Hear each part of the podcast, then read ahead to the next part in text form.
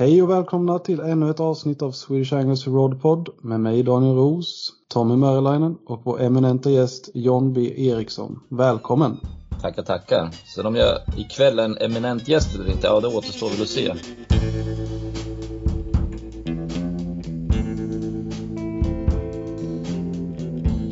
Swedish Anglers Rodpod presenteras i samarbete med Fiskekompaniet. I've had enough of your bullshit to last me a lifetime. So get out of here. I don't wanna see you around. Vad gör du till vardags nu för tiden? Ja, mestadels nu för tiden så, ja det beror på hur man ser vad, vad jag får mina pengar ifrån eller vad jag använder tiden ifrån höll jag på att säga. Jag, jag hade ju eh, Metebolaget här för några år sedan eh, och som jag bestämde mig för att avveckla. Jag hittade ju en, en bit mark med några torp eh, här i Västmanland, en bit utanför Köping, där jag tänkte att här kan jag för, eh, så säga, eh, förverkliga mina drömmar, en livslång dröm som jag haft, att, att bygga ett eget eh, fiskevatten.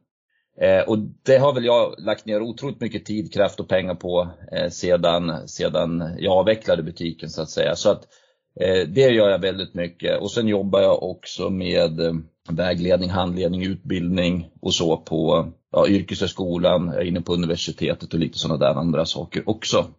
Och det är någonting också som, som harmoniserar med det som jag tänkt att göra ute på den här kampen som jag kallar det. Jag kallar det för Västmanna Camp. Eh, där, där ute där jag bygger för den här sjön och, och bygger för olika typer av aktiviteter och för att bygga kunskap och bygga kraft, eller utveckla kunskap ska jag säga. Utveckla kunskap, bygga kraft och att eh, jobba för att stärka relationer. Det är väl mycket det som kommer vara där ute då eh, på kampen. Eh, och sen blir väl fiske då en av de här eh, möjliga aktiviteterna som man kan göra där ute också om man besöker kampen som gäst. Och det är tänkt liksom att alla sorters människor ska vara besökare på den här kampen då, inte bara fiskare då utan företag och kompisgäng och allt sådär. Ja, det där hade jag inte riktigt bestämt mig för eh, när jag köpte marken och när jag började gräva för sjön. Utan jag tänkte att det där får utkristallisera sig med tiden så att säga. Det som jag drömde om det var att ha ett eget fiskevatten. Ja. Det har jag alltid drömt om att ha. Eh, jag Och det är du nog inte ensam om att, att tänka så. Det är nog få som kan eh, få drömmen att uppfyllas bara. Så det måste vara få förunnat såklart. Mm. Och Mm. naturligtvis, det vet du också där också, det är inte bara utan det är ett jäkla slitet, det är ett Ja. kneg. Det är mycket att göra, det är mycket som ska planeras. Man måste vara beredd på, på eh, motgångar och, och man måste ha en mental beredskap när man ger, ger sig in i här, ett sånt här projekt. Och för mig så var det inte ett, ett lätt projekt heller. Det, det är ju en hel del förutsättningar som måste vara på plats för att det ska lyckas. Och en del av dem var på plats, andra var inte på plats. Eh, men jag kände där också att den här möjligheten fanns att antingen försöka slå till eh, och, och ta de förutsättningar som finns och göra det bästa av det eller fortsätta vänta på nästa tillfälle. Eh, men det här nästa tillfället det kan ju både ta 2, 5 och 10 eller 25 år så att man vet ju aldrig. Eh, och jag bestämde mig för att chansa helt enkelt. Hur tänker man kring en egen sjö där? Alltså, man måste ju bolla med väldigt många alternativ. Så det är få som har den lyxen att man gräver en helt egen sjö. Som man själv får designa med arter och Mm. allting. Hur, hur tänker du där? Nej, Jag kan ta det från början lite grann också så man förstår varför man ger sig på en sån här grej. Ja, det vet ni, det är väl också alla som lyssnar här, att man har fiskat i, i unga år, man har rest omkring och i mitt, i mitt fall så, jag vet inte hur många gånger jag stannat till vid olika dammar, Eh, olika små sjöar och fantiserat eh, att ha det här själv och kunna sitta och eh, jag bodde ju ett tag nere i, i Kalmar, eller tag, det var ju sex år jag bodde nere i Kalmar. Jag Det var en hel del på Öland och även runt Kalmar och, och så där så finns det ju jättemånga små fina vatten så, som man bara fylls upp av energi när man är vid. Och jag har suttit åtskilliga timmar och tittat och fantiserat och drömt. Så att det där är väl egentligen den livslånga dröm jag har haft. Det här med butiken och sånt, det, är ju, det var liksom andra, andra grejer. Men det här har följt mig sen, sen ska inte säga tonåren, men, men tidiga 20-årsåldern i alla fall. Att, eh, att ha en egen plätt, ett eget ställe. Så att det där har funnits med mig under, under alla år. Och det gjorde väl också att när det här tillfället dök upp så hade jag viss mental beredskap att, eh, att, att slå till. Ska jag berätta en rolig historia kring det där? Eller? Jag tycker att det här i alla fall är jätteroligt. Absolut. Ja, det här är ju en bit mark eh, utanför Köping. Det är eh, tre eh, torp som ligger där, varav ett är soldattorp. Och jag hade faktiskt varit och tittat på en annan, eh, ett annat ställe kvällen innan.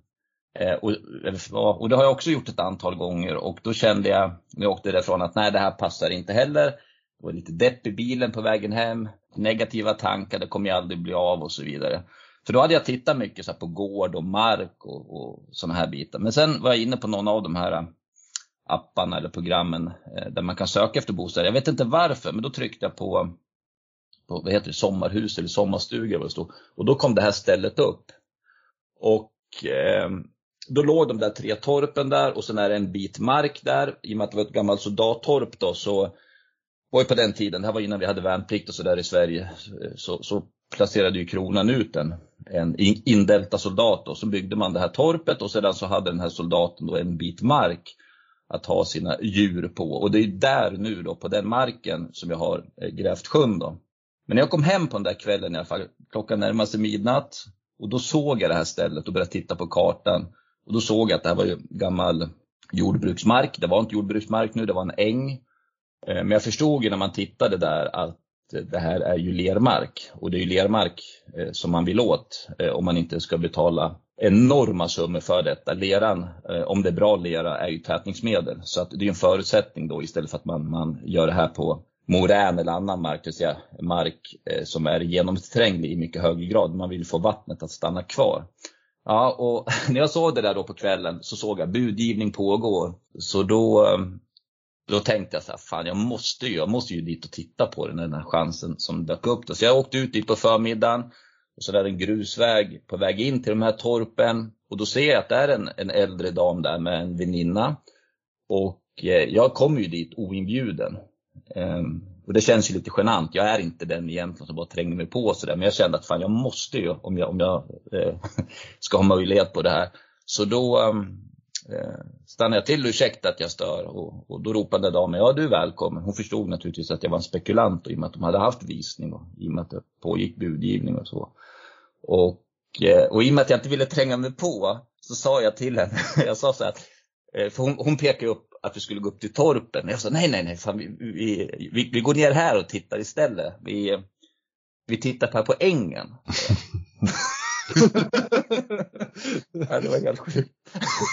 jag minns hennes, hennes min fortfarande. Liksom, är, han hö, är han hög eller liksom, vad håller han på med? Men det var just den där kombinationen att jag inte ville tränga mig på. Jag såg att hon hade sin väninna på plats. Jag såg att de satt och fika. Jag kommer oinbjuden. Och jag var ju mest intresserad av marken. Hur såg det ut? Jag hade försökt på de här kartorna att på något sätt försöka se med vattenflöden och grejer. För det är ju ett av de här megaproblemen. Hur, hur får man det här med vatten och sådär. Eh, och det var inte helt givet i den här situationen sådär. Men, men hur som helst så lyckades vi i alla fall få till ett bra samtal och vi kikade där och jag gick runt där och tittade och så småningom så rörde vi oss upp och tittade på de här torpen. Då. Så det är en fantastiskt ett fint ställe, det kommer bli det. Eh, med en otrolig historia eh, med de här indelta soldaterna och mycket annat som har hänt där förut också. Så att, så att det är verkligen historiens vingslag där ute. Eh, och i och med att det var lera och alltihopa sådär så då, eh, då bestämde jag mig att jag försöker gå för det här. Mm. Fick du provgräva eller någonting innan du köpte eller? Nej, nej, nej. Så det var lite på chansen då? Det var ja, så, är det ju. Ja. ja. Eh, Hur kände du när du kom ner till, till åkermarken? Kände du wow eller det här jag, kan Ja, men jag såg ju det. Jag har ju en biologutbildning i grunden så jag är inte helt tappad vad gäller liksom att läsa av naturen och sådär. Så mm. jag såg ju att det var ju växtarter och sånt som, som Eh, Eh, som trivs i Väta. Jag såg att marken var delvis eh, vad ska jag säga, våt och, och, att det var olika arter som trivs där. Och jag såg också att det var det ligger ju en våtmark, eller ett kärr som ligger en bit ovanför där som avvattnar det där. Så vi pratade lite grann kring det och det var ju också mina första frågor. Hur mycket vatten rinner det här och hur långt på våren rinner det? Och det är många sådana där frågor innan vi kom upp till de där torpen också så där. Så att jag försökte förklara mitt ärende kring det och sådär. Men, men man vet ju inte i slutändan så. Och har man inte ett kontinuerligt vattenflöde året om med massor med vatten så att man bara kan öppna upp en slussport liksom och släppa in vattnet då vet man inte alltså hur mycket det kommer och sånt där. Det går ju att göra beräkningar och sånt där men sen är det olika från varje år då. Eh, så, men, men jag tyckte att jag hade tillräckligt mycket information på fötterna för att våga. Men, men visst är det ett riskprojekt och jag skulle ju inte rekommendera eh, min bästa vän att chansa på det här viset om jag säger så. Mm. Tänk om hon kommer tillbaks lite oanmäld och sen ser att fan, det låg det väl en sjö här senast. Nej, jag berättade ju ändå, jag sa ju det i alla fall efter en stund. Så där. Nu kanske du tycker att jag är helt galen som vill titta, men sen berättade jag lite grann. Så hon fick ju information där på plats. Och hon var där här om året också. Hon är bekant med en väninna där i trakten fortfarande. Den här tjejen var från Stockholmsområdet. Ensamstående. Eh, så att, eh, eh, och hade väl inget körkort minns jag. Så jag tror inte att hon hade det jättelätt att ta sig ut till det här området. Eh, så, så att, eh, men hon var där här om året i alla fall. Då var jag tyvärr inte med, men jag tänkte att jag skulle försöka träffa henne. Eh, så. Jag vet att hon tyckte att det var skoj i alla fall, att det var någon som ville lägga ner krut och energi på att bevara stället. Ja, det är inte helt vanligt att folk ger in sig på sånt här då. Hur många år sedan är det du, du köpte den nu då? Jag köpte det ju då eh, sommaren 2017 2017. Sen kickade vi igång där med arbetet där på, på hösten då. Ja. Eh, så att, um, nej men som sagt, som sagt jag hade ju, har ju haft de här liksom fantasierna, eller man ska uttrycka det, i många, många år. Och, um, jag har ju haft lite koll, inte så mycket kanske eh, under de där senare åren. Eh, men, men det fanns hela tiden i baktanke och det hade liksom kommit tillbaks under ett par, tre år med butiken. Jag började känna att det här med butiken var ohållbart. Jag tycker att jag hade nått lite vägs ände med det där. Och det var väl i sig också ett incitament att, att jag började titta lite mer. Att, att jag ville ha någon form av förändring. Mm. Och sen då, hur som helst, så var jag med på den där budgivningen i alla fall. Och, eh, ja, då vet jag hur det går till. Sen tidigare så att jag ringer mäklaren på en budgivning. Hon, hon hade hört av sig där på morgonen och sa det att, att säljaren ville avsluta då. Eh, så, och då, då hade jag en tanke där och sedan på eftermiddagen så ringer hon sen i alla fall och säger då att vi har vunnit budgivningen. Och då minns jag faktiskt fortfarande eh, i det där samtalet att jag fick någon form av, av, en positiv känsla också där med butiken i och med att jag var klar med det mentalt och, och den tog på mig så att säga. Då kände jag att fan vad skönt, nu, nu vänder vi blad. Nu gör vi någonting annat istället. Så att eh, det var bra tycker jag. Mm. Mm. Ja, det förstår jag. Men vad heter det, du är ju lite så känd Eh, på ett udda sätt i, i meterkretsar. Och då menar jag att du är lite så känd som entreprenör eller hur man nu ska uttrycka sig. Du har haft butik och sen har du ju såklart Ursjön och sen det här projektet. Och du verkar ha en väldigt stark anda att göra saker och ting. Drivkraft. Drivkraft, ja. Ja, på gott och ont. Ibland kan jag vara avundsjuk. Liksom. Alltså, så är det Jag tror att vi alla eh, liksom, vi har olika saker eh, i oss. Eh, och det, det har i oss, alltså, det som kan vara en fördel eller en tillgång i ett sammanhang, det kan ju också tära på en. Och så var det lite grann med butiken, om jag, om jag ska spela tillbaks på den då. Eh, det var lite avhugget, vad menar han med det, att det var skönt? Nej men det, det som var eh, där, det var ju 2009 redan som, som jag körde igång butiken. Och där och då eh, så var jag småbarnsförälder, hade eh, en dotter på tre år och en på gång. Och, och då passade det väldigt bra på många olika sätt och vis tycker jag, ha den där webbshoppen. Jag var lite intresserad av hela konceptet och, och jag var intresserad av prylar och fiske och, och allting sånt där inte minst. Då. Så, så jag tycker att det passade bra. Och jag har en extra, ett extra hus, eller hus är det inte, men en gammalt garage eller någonting på en 50 kvadrat vid sidan av huset där vi bor som, som jag kunde bygga om så att jag hade som lager slash butik där ute. Då. Och eh, där och då så var det här någonting som jag ville jättemycket. Eh, det var jätteroligt, det var, eh, gav mycket energi. Eh, fick träffa mycket folk så att säga och knyta mycket kontakter och liksom allting där med prylar. Det var jätteroligt men som allting annat, tiderna förändras, ni och jag förändras, kunderna förändras, marknaden förändras, lust, kraft, ork och mycket annat förändrades. Och jag kände väl där allt eftersom att, att jag inte mäktade med allting så att säga. Och då kanske jag inte menar rent kunskapsmässigt utan eh, energimässigt, tidsmässigt. Eh, det tar ganska mycket eh, att, att, att ha en sån här butik när man är själv. Ska man ha det egentligen då kanske man ska ägna sig åt någonting där marknaden är betydligt större. Så, så det kan man väl säga om man ska tänka på någon, någon form av entreprenör att det är kanske inte så mycket entreprenörskap alltid inom metet för att vi är för få i Sverige som håller på. Eh, det skulle behövas betydligt mer människor för att få fler, mer kraft, mer energi. Man kanske skulle kunna dela ett sånt där uppdrag med en eller två andra eller någonting.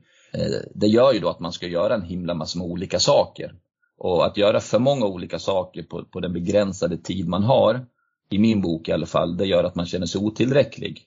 Eh, man får aldrig jobba igenom försäljningen ordentligt eller teknikutvecklingen ordentligt eller inköp ordentligt eller vad det nu, ska, vad det nu är för någonting ibland så, så, så, kände jag att det här är inget roligt längre. Och sen, var, sen är det ju med våra beteenden också eh, i takt med att servicen, jag menar vi lever ju i tider med helt, helt otroligt bra service på alla sätt och vis. Eh, och ibland så tror jag att det är värdefullt för oss att stanna upp lite grann och, och liksom förstå hur otroligt tillgängligt allting är eh, jämfört med hur jag växte upp. Nu hade vi ett behov här om kvällen i söndagskväll att åka till apoteket halv tio. Jag hade öppet i Västerås halv tio när man behöver ha någonting på apoteket. Eh, kan jag åka ner här i lilla Hallstahammar där jag bor så är ICA öppet från klockan sju. Och vi vänjer oss med det här. Och i takt med att vi vänjer oss så ändrar vi beteende och vi ändrar kravbilden.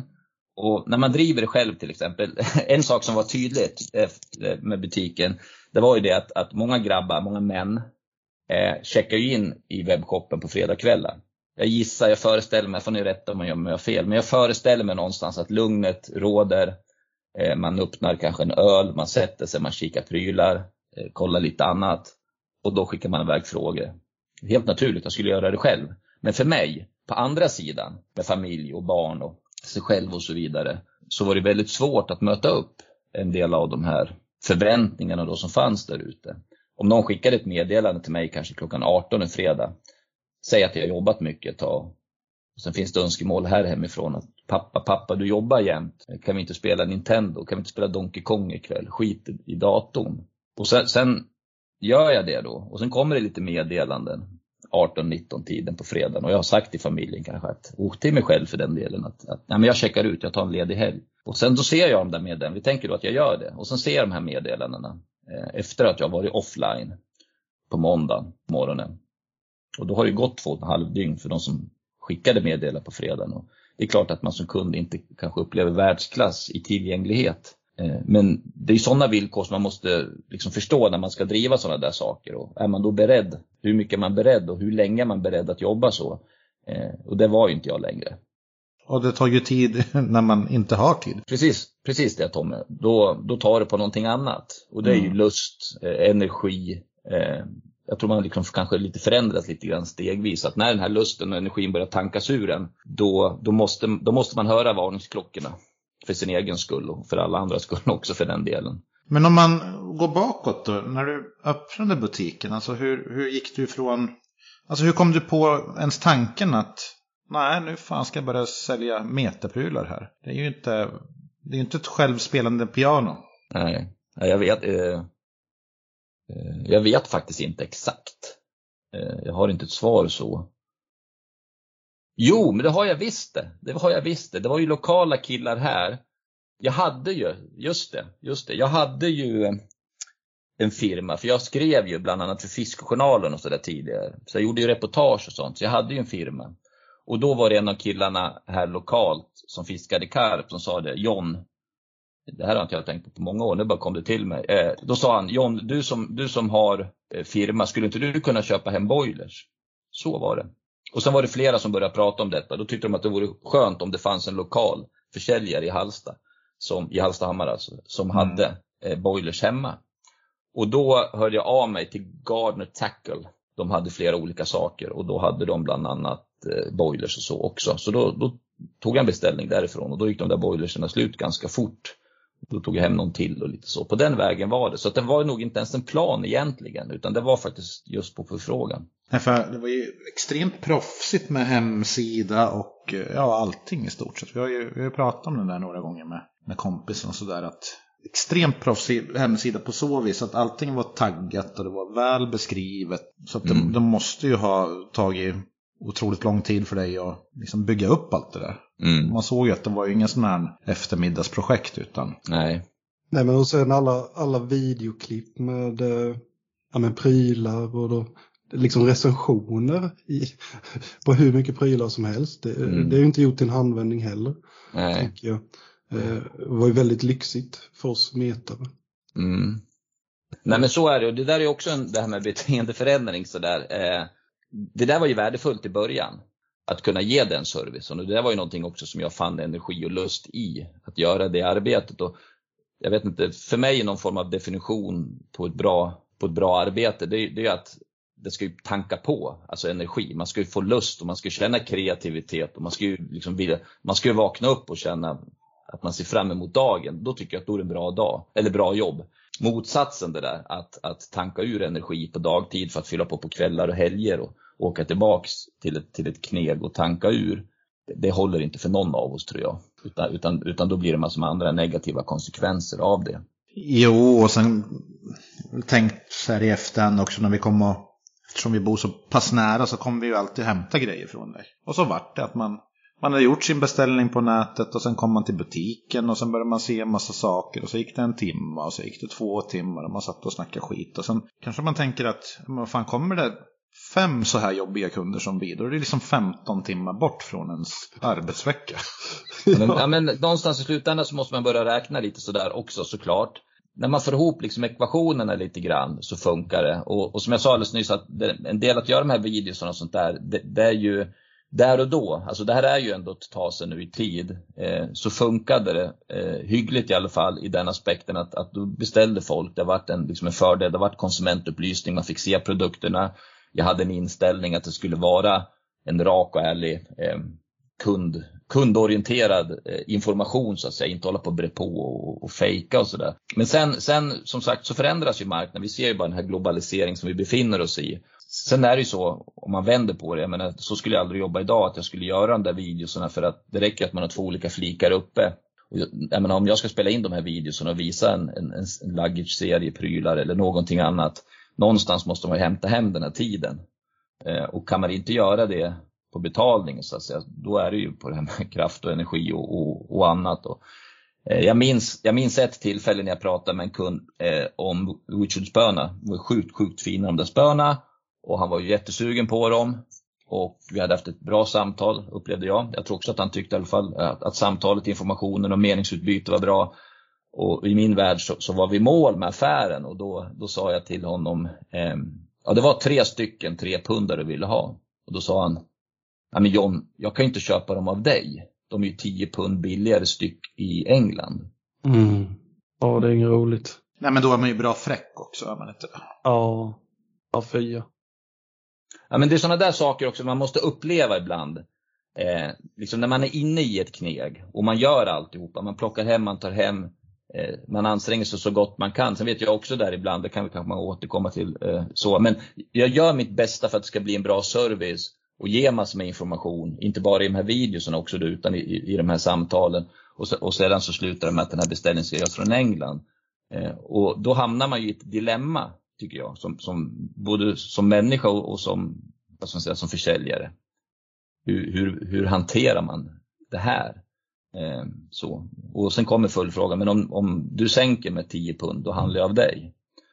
Eh, och, och, ska man börja hålla på sådär, då äger man inte förutsättningen alls själv längre. Och jag tror att, att några sådana där händelser också påverkar ens lust att göra jobbet. Mm. Så det som ligger i, i, i farans riktning med de där grejerna, om vi tänker så bara, kanske inte just mig och Metobolag, men vi tar generellt så, någon som håller på med någonting sånt här och stöter på sådana här saker allt eftersom. Till slut så finns det en risk att den här personen börjar känna sig eh, utnyttjad. Att man känner att, att hur mycket information kan jag ge den här personen? Använder den mitt engagemang och min kunskap för att tanka ur mig det där för att sen göra beställningen på nästa flik? Jo, det där ser man ju. Jag som håller på med musik hela livet. Dels så fysiska, alltså skivor, DVDs, videos, allt det här. Det existerar ju knappt. Hårdrocken är ju ändå, det är många som samlar så att där finns det ju ändå en viss försäljning. Men den är försvinnande liten om man backar tillbaka bandet en 30 år. Men sen har du även de som säljer musikinstrument och utrustning. Gitarrer, trumskinn. Folk köper dem på nätet för att de är billigare. Mm. Och det har jag väl full förståelse att, att vissa gör det. Men det, det, är för jävla tråkigt när du ska dra till replokalen och sen tänker du nej men vad fan jag har ju inga trumpinnar. Jag ska gå och köpa några trumpinnar. Och så finns det ingen musikhandel att köpa dem ifrån. Nej. Även om du beställer dem från Tyskland och det är snabbleverans så kommer de ju aldrig komma inom en timme. Så att hela den här servicegrejen med liksom man själv går någonstans, man pratar med likasinnade, man träffar folk och sen kanske man betalar ett lite högre pris för att ha tillgänglighet och en lokal ja, handlare eller dealare eller vad man kallar det för. Alltså, det uppskattas ju väldigt, väldigt lite idag känner jag. Nej, och, och, jag vill understryka det. Alltså, alltså jag, var ing, jag var absolut ingen bitter. Jag var, jag var ingen bitter överhuvudtaget där och då heller. Utan, utan jag förstod ju att det är så här det är. Det är det. Alltså jag förstod ju att, att det växte in ett skifte successivt. Det här har naturligtvis pågått hela tiden. Men liksom när det börjar bli så uppenbart och blir så tydligt, man börjar närma sig någon form av eh, Eh, känsla att, att vart kommer det här ta vägen? Så, när man inte börjar se den här framtiden som jag kanske gjorde då när jag startade upp. När man såg att ja, men det här växte, här finns en, en framtidstro. Eh, men, men när vi har ett system i Sverige som gör att vi kan inte konkurrera i Sverige på europeisk nivå, skatter till exempel och en del andra saker. Då är det väldigt svårt att blicka framåt och, och, ha en bra vision vad man vill med detta. Alltså någon form av vad ska säga, framtida önsketillstånd. För att när man börjar vackla själv i tron på att, att omvärlden, ni och jag, förändras i den här riktningen och man ser ingen, ingen, ingen jättebra lösning på det, då är det svårt att samla energi till det. Och det var därför där under några år som jag började känna att, att jag började se ett slut på det, att det var inte samma sak längre. Och, och, antingen då så försöker man vara proaktiv, det vill säga att man försöker agera lite grann i förväg, att man försöker själv vara med och styra. Eller så, så eh, kommer det i alla fall inte funka även om man försöker hålla i det. Mm. Och du ser på mina resonemang att jag fortfarande inte såg Meterbolaget som en nätbutik utan mm, fysisk mm, butik. Mm. För alla andra var det en nätbutik men inte för oss. Nej men det är ju fantastiskt liksom, oavsett som du säger om det är musik eller om det är någonting annat. Eh, det är ju fantastiskt att gå i fina butiker, eh, framförallt i, i, i butiker som har en särprägel, en viss nisch eller ett visst område. Eh, sådär. Så är det ju kul och energigivande att göra det. Samtidigt så är det så också att när allting kommer omkring så är ju priset en av de starkaste konkurrensfaktorerna som finns. Jag menar, titta den här hösten här nu, det här året med inflation och energipriser och mycket annat, att, att var och en av oss Eh, och det är vårt uppdrag mot oss själva och om vi har familj att, att få pengarna att räcka till mycket. Det är självklart att det är så här det fungerar. Eh, men jag försöker bara förklara det utifrån mitt perspektiv om man undrar varför, för det vet jag att flera blev väldigt överraskade när jag på ganska kort varsel meddelade detta. För mig var det inte överraskande någonstans utan jag hade haft den här känslan krypande i flera år. Eh, och sedan så, så lyckades jag tack vare att jag surfade in på den där bostadsappen sent den där kvällen och tack vare att jag åkte till den där tanten och tittade på ängen eh, och fick köpa det där stället så vart det det där skiftet då från, från butiken till att bygga den här sjön. Då. Är det något du skulle kunna tänka dig att starta upp igen då? En butik? Ja, fiskebutik, näthandel, någonting. Nej, det tror jag inte. Utan jag tror var sak har sin tid, så rent generellt sett. Eh, men framförallt så, så brinner jag så mycket för det här projektet som jag håller på med nu. Eh, det här ser jag som ett långsiktigt projekt. Eh, jag har inget bråttom egentligen med projektet alls. Jag har mat på bordet, jag har värmeelementen, även om det kostar på nu då. Men, men det är det här jag vill göra. Det, är den här drömmen jag haft sedan jag var i 20-årsåldern och jag tror att jag kommer, kommer, kommer känna starkt för ett sånt där ställe även när jag är 70-75. Jag räknar med att vara kvar. Så att, nej det är fantastiskt kul. Jag tankar energi där ute, även om jag står där ute i stövlarna och blir lerig, även om jag fryser eh, eh, och sliter och jobbar där ute så, så tycker jag att det är fantastiskt roligt. Fantastiskt roligt. Mm. Eh, Lägger du lika mycket tid på torpet som, som du gjorde på meterbolaget? ja, det skulle jag säga. Alltså, jag, alltså man får ju ta kostnader. Alltså jag, det är många av, av där ute som sitter i samma situation med ungar och man sitter och skjutsar till träningar och fixar. Och, eh, jag, fisket har ju fått tag i mycket stryk av mig, eh, så, men jag känner också att det kommer, alltså det kommer snart bättre tider igen. Jag kommer få mer fritid. Eh, jag kommer få bättre möjlighet att äga min egen tid. Jag inte måste vara tillgänglig så. Alltså jag vill vara tillgänglig för ungarna, det är inte det. Ni förstår vad jag menar. Eh, ja.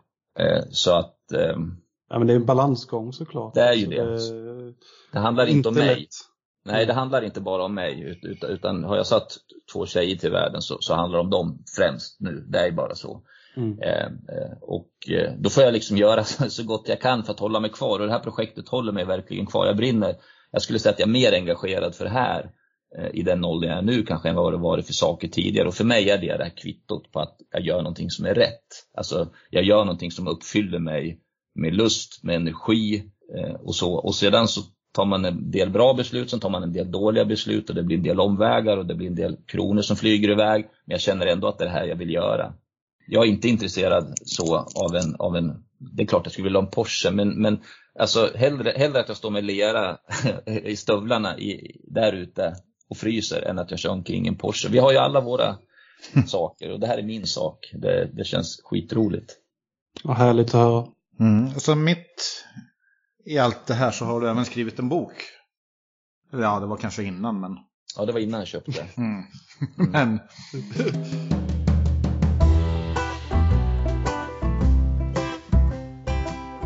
Vad heter det? Jag tycker fortfarande, eller fortfarande, jag har alltid tyckt att det är den bästa metboken, fiskeboken som har skrivits i, i Sverige. Tack så mycket. Det hade jag inte förväntat mig alls Tommy, att du skulle säga så. Jo, den är fruktansvärt bra upplagd tycker jag. Ja, det finns ju svar på det. Ni hörde ju här för en stund sedan att jag kom inte ens på varför jag startade butiken. Sen bara följde till mig det där med, med efterfrågan på, på karpbeten. Jag hade ju skrivit artiklar för tidningen Fiskejournalen främst sedan unga år. Väldigt ung var jag när jag på chans hörde av mig och skickade in en artikel. Eh, det var ju helt andra sätt man jobbade på den tiden. Man skrev brev och gick ner till, till brevlådan och stoppade iväg det där. Och, och, den var väl nog rätt hygglig den artikeln för att de tog in den då. Och eh, då kände jag också lust. Det var så jag kom in egentligen på det här, liksom på något sätt i fiskebranschen och på något sätt jobba inom, inom det här med fisket. Det var ju skrivandet och fotot. Eh, tyckte det var jättehäftigt, eh, verkligen. Och jag fick göra några riktiga drömprojekt där också. Jag sålde in dem till Fiskejournalen. Jag gjorde en artikelserie som hette FJ Goes Classic. Eh, där jag bestämde mig för, för att eh, eh, åka och träffa eh, jag ska inte säga idoler kanske, men förebilder och människor som jag läst mycket om tidigare. Ehm, eh, och då sålde jag in det där konceptet där till Fiskejournalen, att vi skulle titta tillbaks på, på gamla metartiklar som Fiskejournalen hade gjort när jag var eh, yngre grabb så att säga. Ehm, eh, och då presenterade jag ett utkast på, på en serie artiklar som skulle löpa under ett helt år. Det blir nio artiklar, jag tror FJ gavs ut nio gånger per år då. Då körde vi eh, en serie, det var hem till Arne Broman bland annat, Munka Ljungby. Fantastiskt möte. Ålåker. Ålåker Madsén, vi var uppe i Skutskär och fiskade ål i hans gamla marker. Kaj Jonsson. Ja, jättehäftigt. Jag tittade faktiskt på de bilderna eh, häromdagen eh, när vi sitter nere i Svartån och han får på en fin brax där nere.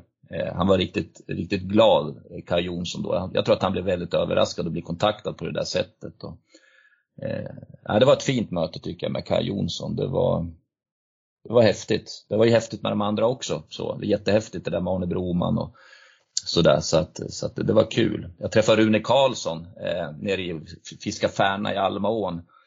Rune var ju, vet, i mig då, den unga John som såg Rune fånga de där jättekarparna. Det var ju jättehäftigt att få träffa honom. HP Bullsgubben. Ja, precis. Eh, jag, tog, jag gjorde samma bild där. Eh, det är många som kanske inte har, har sett det. Men på den tiden så gjorde de det fanns en artikel som hette HP-bullar, högproteinbullar. Det var innan Boilersens var, var namn här i Sverige tror jag. Och då var det Runes HP-bullar och då hade jag den tidningen som förlaga och sedan så tog jag en bild också när jag själv satt och gjorde Boilers där, eller HP-bullar precis som Rune. Och sen åkte jag upp till det här vattnet där de hade fångat de här karparna och körde själv där uppe då och fick de där eh, fjällisarna i den där lilla vackra sjön där också. Så det var också häftigt att få se de där miljöerna. Det handlade ju inte bara om, om, om att få få, säga, fånga fiskarna utan det var ju att se de här miljöerna som de hade varit i. Så att därav det där med skrivandet, om vi tar det så, därav så kom skrivandet att jag hade hållit på med det och då hade jag ju ett antal historier. Eh, I och med att jag hade fiskat en del i mina dagar så hade jag en del historier som jag tycker var eh, eh, roliga, värda att berätta och som var lite spännande. Hur vart mottagandet? Av boken? Mm. Du fick ju prata med Birger Schlaug i alla fall, det har jag googlat upp. Ja, just det. Just det. Ordförande i Svenska Elvis-klubben va? Är han det? Ja, han var där någon gång i alla fall, det har jag för mig. En, för, en bok, en författare på UR. Det är ett av de tre public service-bolagen vi har. Vi har ju SVT, Sveriges Radio och sen har vi UR, va? Utbildningsradion. Mm de använde ju då eh, SVTs lokaler och jag vet inte riktigt vad det kom sig för, att de ringde. Och eh, ville ha med mig i det programmet då. Och det måste man ju vara med i då. Såklart, det vore sjukt annars. Eh, men det var ju sjuka förutsättningar. Så när, man kom, när jag kom upp där och satt där och blev sminkad och så gick man igenom de där grejerna. Eh, så var det, John, eh, vi kör ju, det är ju en tagning på det här programmet. Känner ingen Då blev press. jag nervös faktiskt. Jag jag tänkte, jag kommer garanterat komma av mig. Jag kommer inte ha de här snabba, fyndiga svaren. Liksom. Eh, och sen sitta då med, med, med Birger Schlaug som har hur mycket tv-vana som helst. Liksom. Jag tänkte det här. Men det, jag tyckte att det funkar bra. Eh, Mm. Så. Mm. Eh, Den är slutsåld sedan länge. Ja, ja, projektet dog väl av lite grann höll jag på att säga efter att boken kom ut. Eh, så att jag har faktiskt ingen riktigt koll på, på allting runt omkring. Nej, för jag kommer ihåg att jag skulle köpa en bok till Mattias på FJ. Vi pratade om... Jag kommer inte ihåg vad vi pratade om. Så gled vi in på fiskeböcker och då nämnde jag din bok och... eh, Fan, den måste jag ha, sa han. Och han letade överallt och den fanns ju ingenstans. Men sen tog jag kontakt med dig, så du hittade en låda på vinden Mm. med några böcker om du kommer ihåg.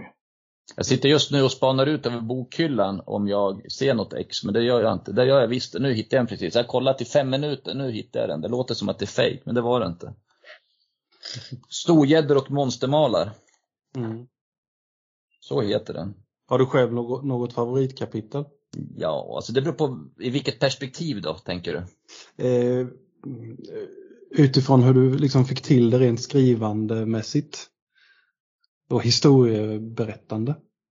Eh, jag tycker den här eh, Karpnätter, nu har jag innehållsförteckning framför Ja, mig också. det var det är nio kapitel, där, så jag satt och kikade där. Karpnätter vid Storedamm, Ja. eh, Perstorp är ju, tycker jag, en fantastisk historia. Och det är för att jag varit så sjukt karpfrälst när jag var, när jag var liten, sen när jag var ung.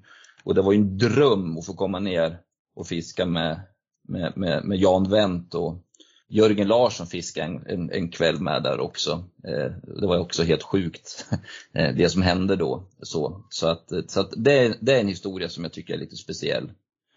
Men, men egentligen om man ska se det så, jag tycker gräskarp på allvar är ju också, alltså själva idén, sättet som Johan Hedman och jag fiskade de här gräskarparna på, det är helt fantastiskt. Det tycker jag fortfarande. Den uppfinningsrikedomen vi hade och det sättet som vi på den tiden var nära att knäcka vad jag skulle säga var en 20 kilos gräsis. Och det här var en tid när svenska rekordet låg på hälften, 10-11. Jag hade fått en fisk över svenska rekordet eh, en tid innan.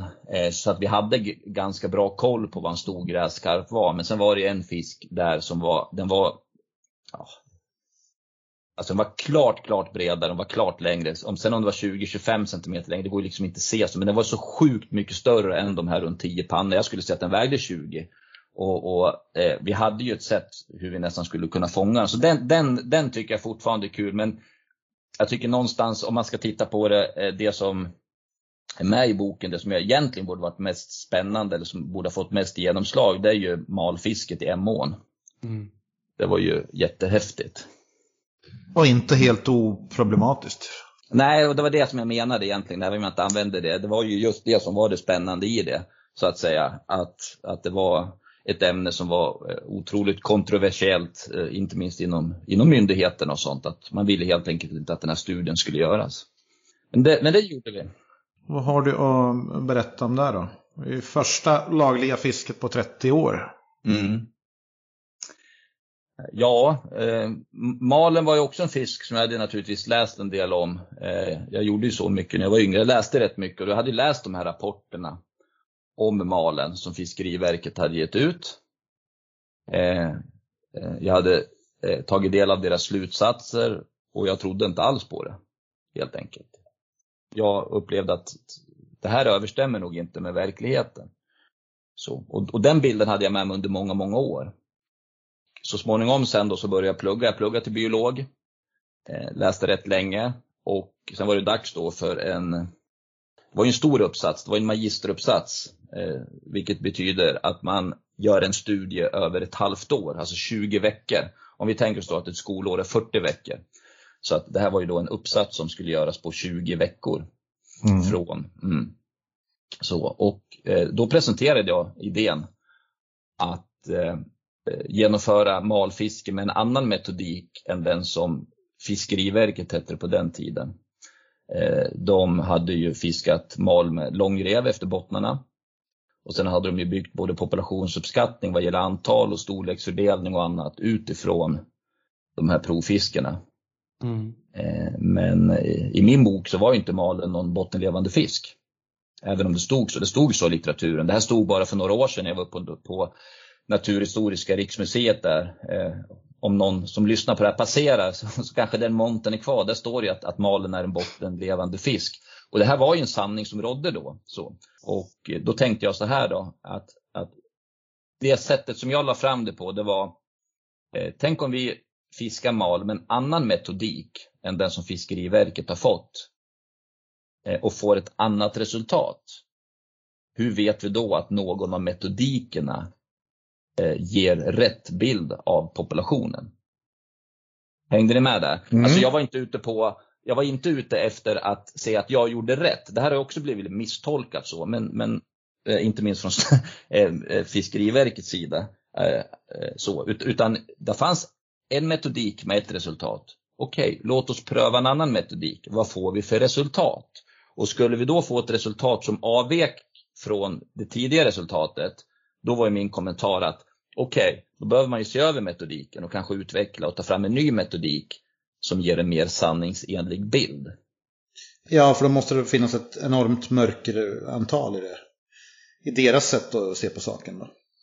Ja, inte bara, inte bara antalsmässigt utan jag menar, jag tänkte så här också då, jag har inte de här siffrorna i huvudet, det är många år sedan, det är 20 år sedan vi gjorde det där malfisket nu.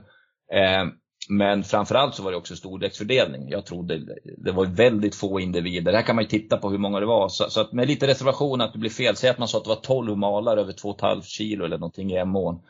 Eh, och det var ju där gränsen gick då för könsmognad och sådana här saker. Eh, så att, eh, och sedan åkte jag upp då.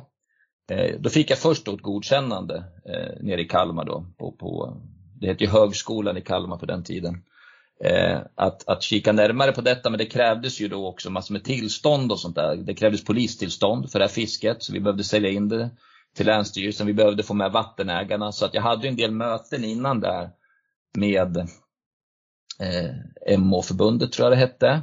Jag presenterade mitt förslag. Jag var ner till Göran Ulfsparre nere vid Ems herrgård. Fantastiskt fint där nere. Eh, med de här vita herrgårdsbyggnaderna och, och hur Emån eh, mynnar ut där, E22 där. Eh, och jag fick ju med mig Ulfsparr och allihopa så att alla, vi var ju överens om att vi kör. Vi gör det här projektet. Mm. Men sen sa Fiskeriverket nej.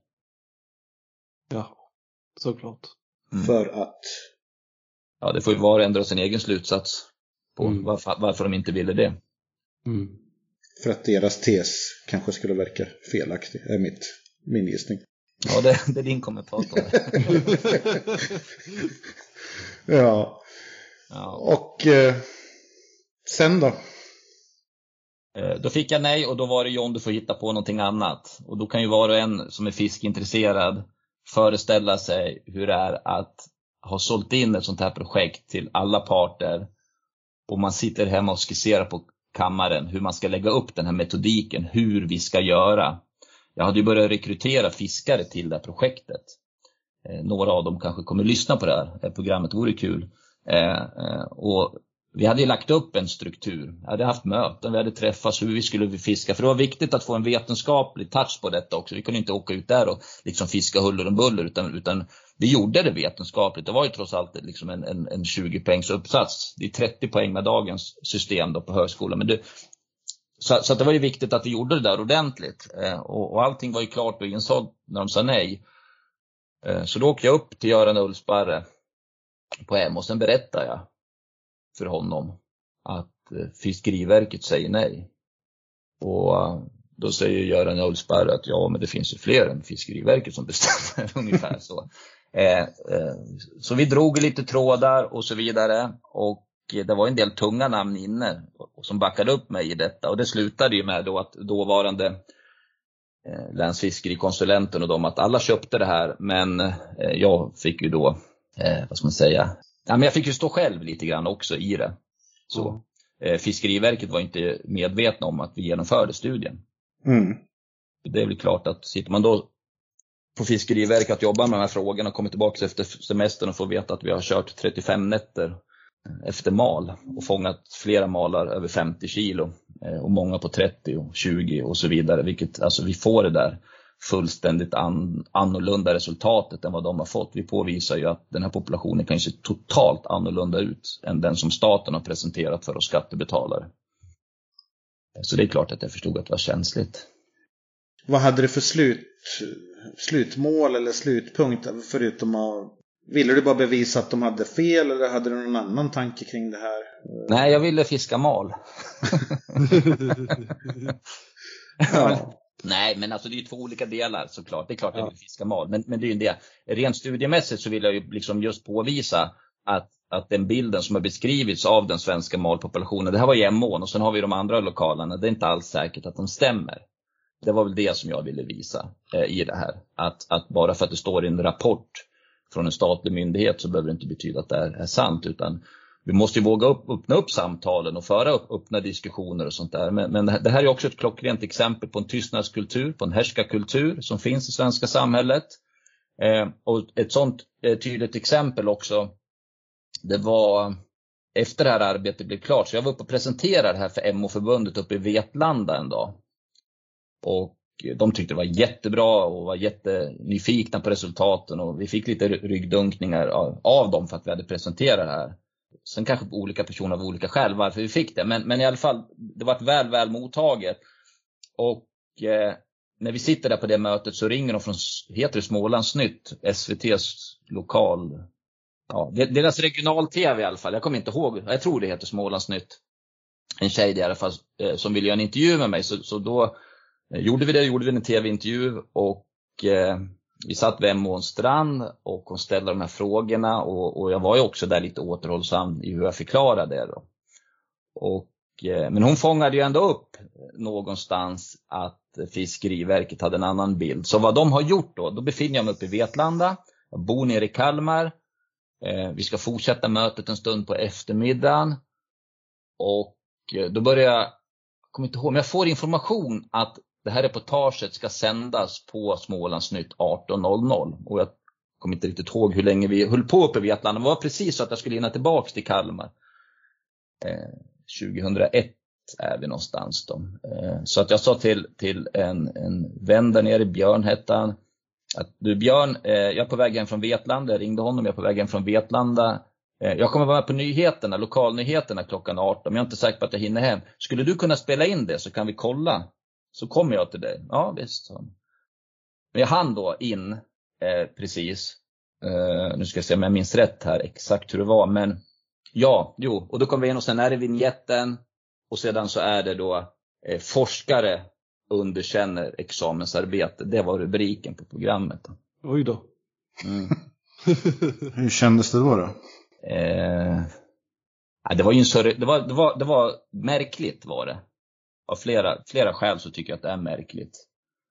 Eh, dels så är det ju, var det ju fel i sak. Det var ju en, en bra uppsats och utan att bryta mot jantelagen för mycket så fick jag högsta betyg på uppsatsen. Så att det var inte, det var inget havsverk, tvärtom. Det var gediget jobb, många timmar som hade genomförts. Eh, så. Eh, men det som jag tycker var mest absurt, det är hur man eh, som statstjänsteman som myndighet, så ska jag säga. Att man som myndighet finansierad av skattebetalarna kan ta sig friheten och uttrycka sig på det sättet mot en person som precis ska avsluta en fyra år lång universitetsutbildning. Mm. Ja, det är för jävligt. Det är ett övergrepp skulle jag säga. Jag har aldrig använt det ordet tidigare, men jag skulle säga att det är ett övergrepp. Mm. Ja, det smakar illa i mun gör det. Hur tror du malfisket i Sverige skulle... Alltså har vi snart hamnat i ett läge där man skulle kunna börja släppa lite på fiske eller? Jag har faktiskt ingen aning längre. Jag, jag har inte följt frågan. Alltså, det är klart att jag har tagit del av något samtal här och, här och där. Men jag har inte alls någon inblick i, i vart eller hur mycket mal eller någonting det finns idag. Jag vet ingenting skulle jag säga. Nej.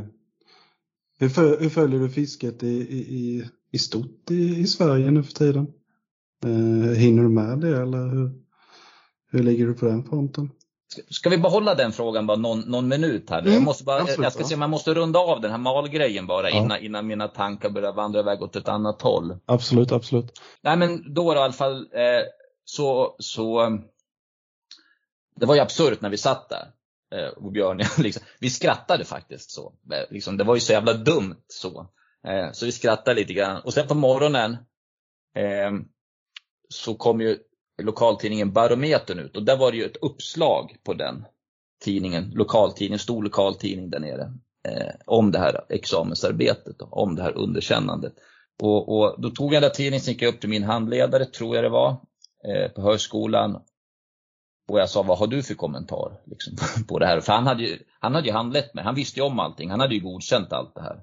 Eh, jag, hade ju, jag hade ju redovisat det, det hade varit en opponent från ett annat universitet så att allting var ju klart och jag hade ju fått mitt betyg. Så att, så att allting det där var ju klart. Så att, så att universitetsvärlden tyckte jag att det var liksom det var ju så bra det kan vara eh, utifrån min position och utifrån kriterierna då som fanns vad man skulle leverera som, som studerande. Eh, och då satt jag med den där tidningen, då sa jag till någon, också, men jag sa det, hur, hur fan funkar det liksom? Först kläckte Fiskeriverket ut det där på kvällen och sen nappade liksom barometern upp detta. Eh, utan att stämma av med mig. Eh, Så, så att, nej, men han bad väl fundera, sen åkte jag hem till min bror och sen sa jag, berättade att jag hade varit med på det där. Och, och sen sa jag att jag måste ju höra av mig till Barometern eh, och förklara för dem att jag måste ju också ha rätt till att eh, uttrycka mig. Alltså om, om de är intresserade av god journalistik så borde de höra av sig till mig. Så jag ringde upp dem och de sa det självklart så. Så då fick jag ju också skriva ett svar i tidningen dagen efter. Eh, vilket jag gjorde och höll mig till sakfrågorna. Jag kommer inte ihåg hur många eh, det var men då listade jag upp, eh, i och med att det var ju fel i deras kritik, eh, så listade jag upp de här sakfrågorna. Det jag beskrev hur tragikomiskt det var att Fiskeriverket försökte underkänna en students arbete, att man lade ner all den kraft och det krut på att underkänna ett arbete. Och jag kan inte svaret sådär i huvudet, men jag minns att jag skrev det att det tragiska i detta, det är ju med den kraft som man försöker underkänna. Det komiska, det var hur fel man hade i sina slutsatser. Eh, så, så, att, eh, så att det tyckte jag kändes skönt att stå på med det. Men om de menar på att på si och så många malar så finns det si och så många över 2,5 kilo könsmogna. Och om du har svart på vitt att du har fångat betydligt större malar. På vilka grunder kan de underkänna dig? Nej men mycket var ju det att, att studien kunde ha förstört. Alltså det är ju som vanligt med att man blandar in känslor och, och man ska, man ska ge, ge sig på karaktären. Eh, jag menar, det ser vi överallt i samhället istället för att man diskuterar sakfrågan.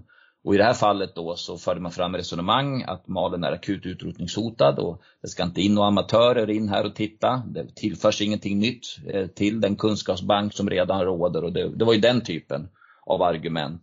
Och Eh, på det, på det viset hade det varit intressant egentligen om man hade kunnat, som, som i ett sånt här läge, så kunna suttit liksom i realtid i livesändningar. Jag hade ställt upp på det då eh, och pratat om de här frågorna.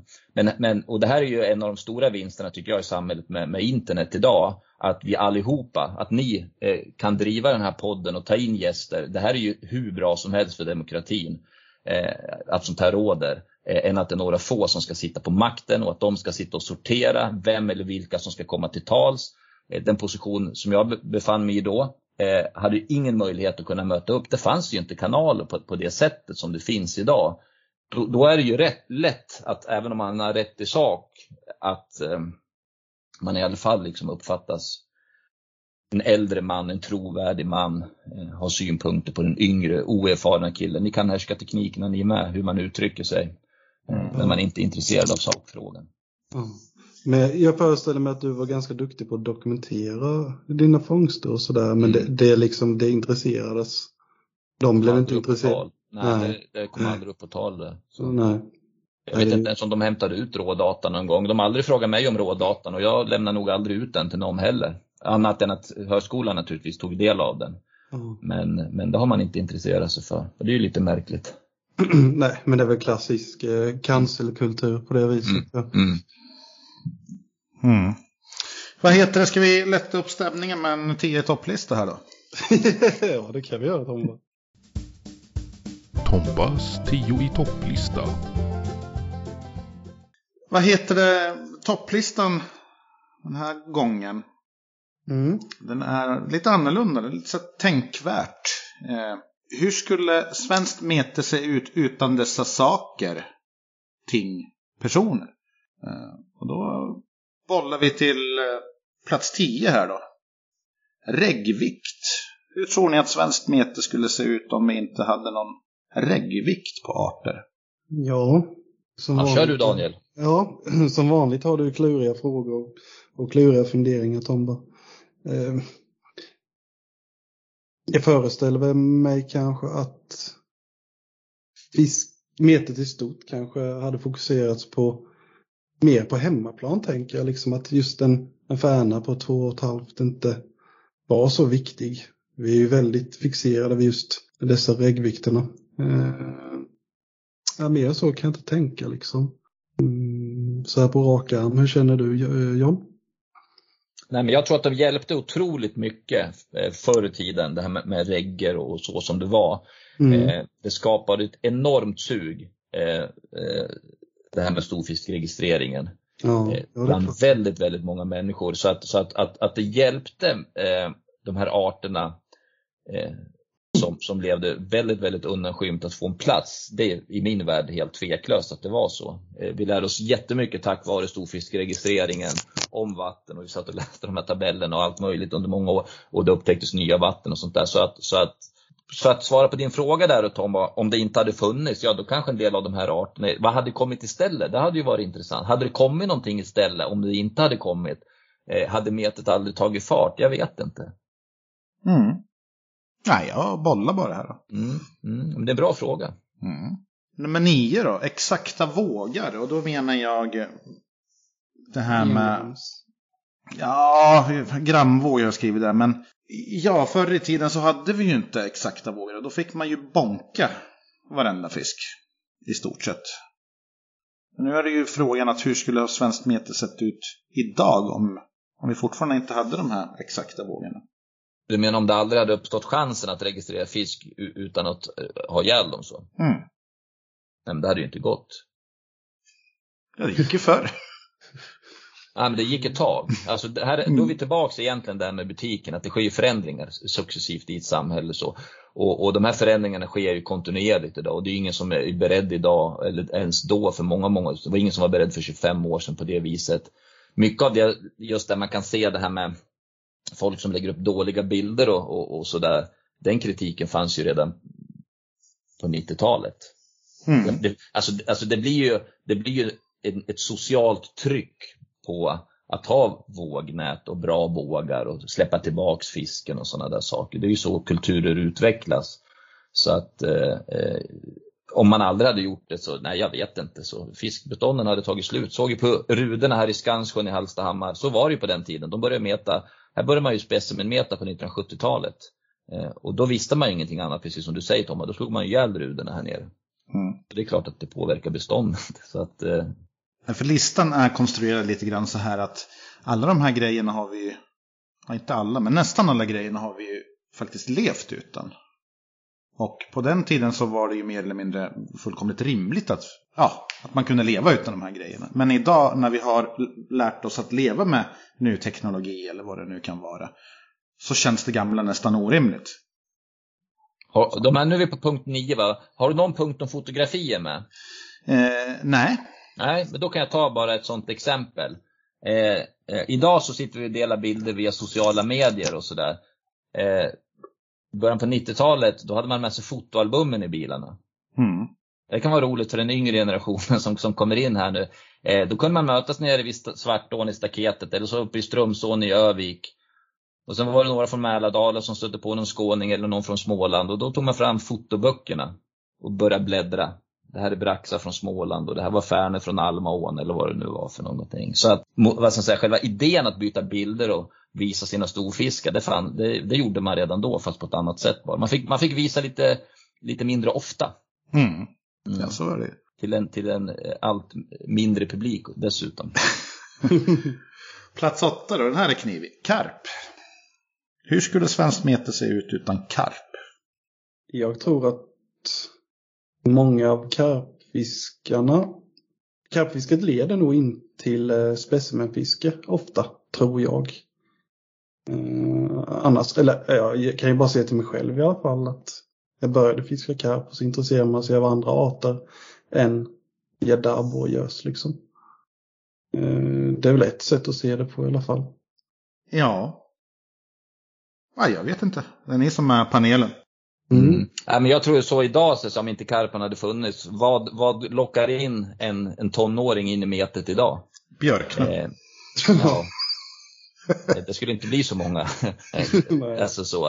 Eh, Och det, det är väl någonting som, som väldigt många har, har problem med, det är att locka in en ny generation i, i det. Jag läste en artikel om sporten bandy och de pratade om den på isen här, liksom hur svårt det är. Jag menar vad händer med en sån sport över tid? Liksom, hur, hur ska den sporten kunna konkurrera över tid? Eh, Hur ska man kunna konkurrera så att ungar ska ut och meta mört och björkna? Jag tror att det är tufft. Mm. Men jag kan ha fel, men jag tror liksom, det känns bara att det, Nummer sju då. Fiske efter lekande fisk. Eller lek, lekfiske. Det är också någonting som vi i Sverige är, jag vet inte om man ska säga bortskämda med, men det finns ju många länder som förbjuder fiske efter lekande fisk. Medan här så är det ju primetime. Fråga, din fråga är, hur skulle metet vara om vi inte fick fiska efter lekfisk? Mm. Jag tror vi skulle anpassa oss till viss del. Sen skulle kanske en del fiska så, men det, det skulle vara intressant att se den förändringen över tid. Eh, och jag skulle då kanske koppla den till specimentävlingar och sådana där saker också. Då, att om det fanns förbud mot, mot arter under vissa perioder, skulle, skulle man kunna tävla i alla fall? Ja, det tror jag. Om man tänker sig att till exempel färna, mört, sådana här arter. Då skulle hösten bli en primetime istället. Mm. Ja.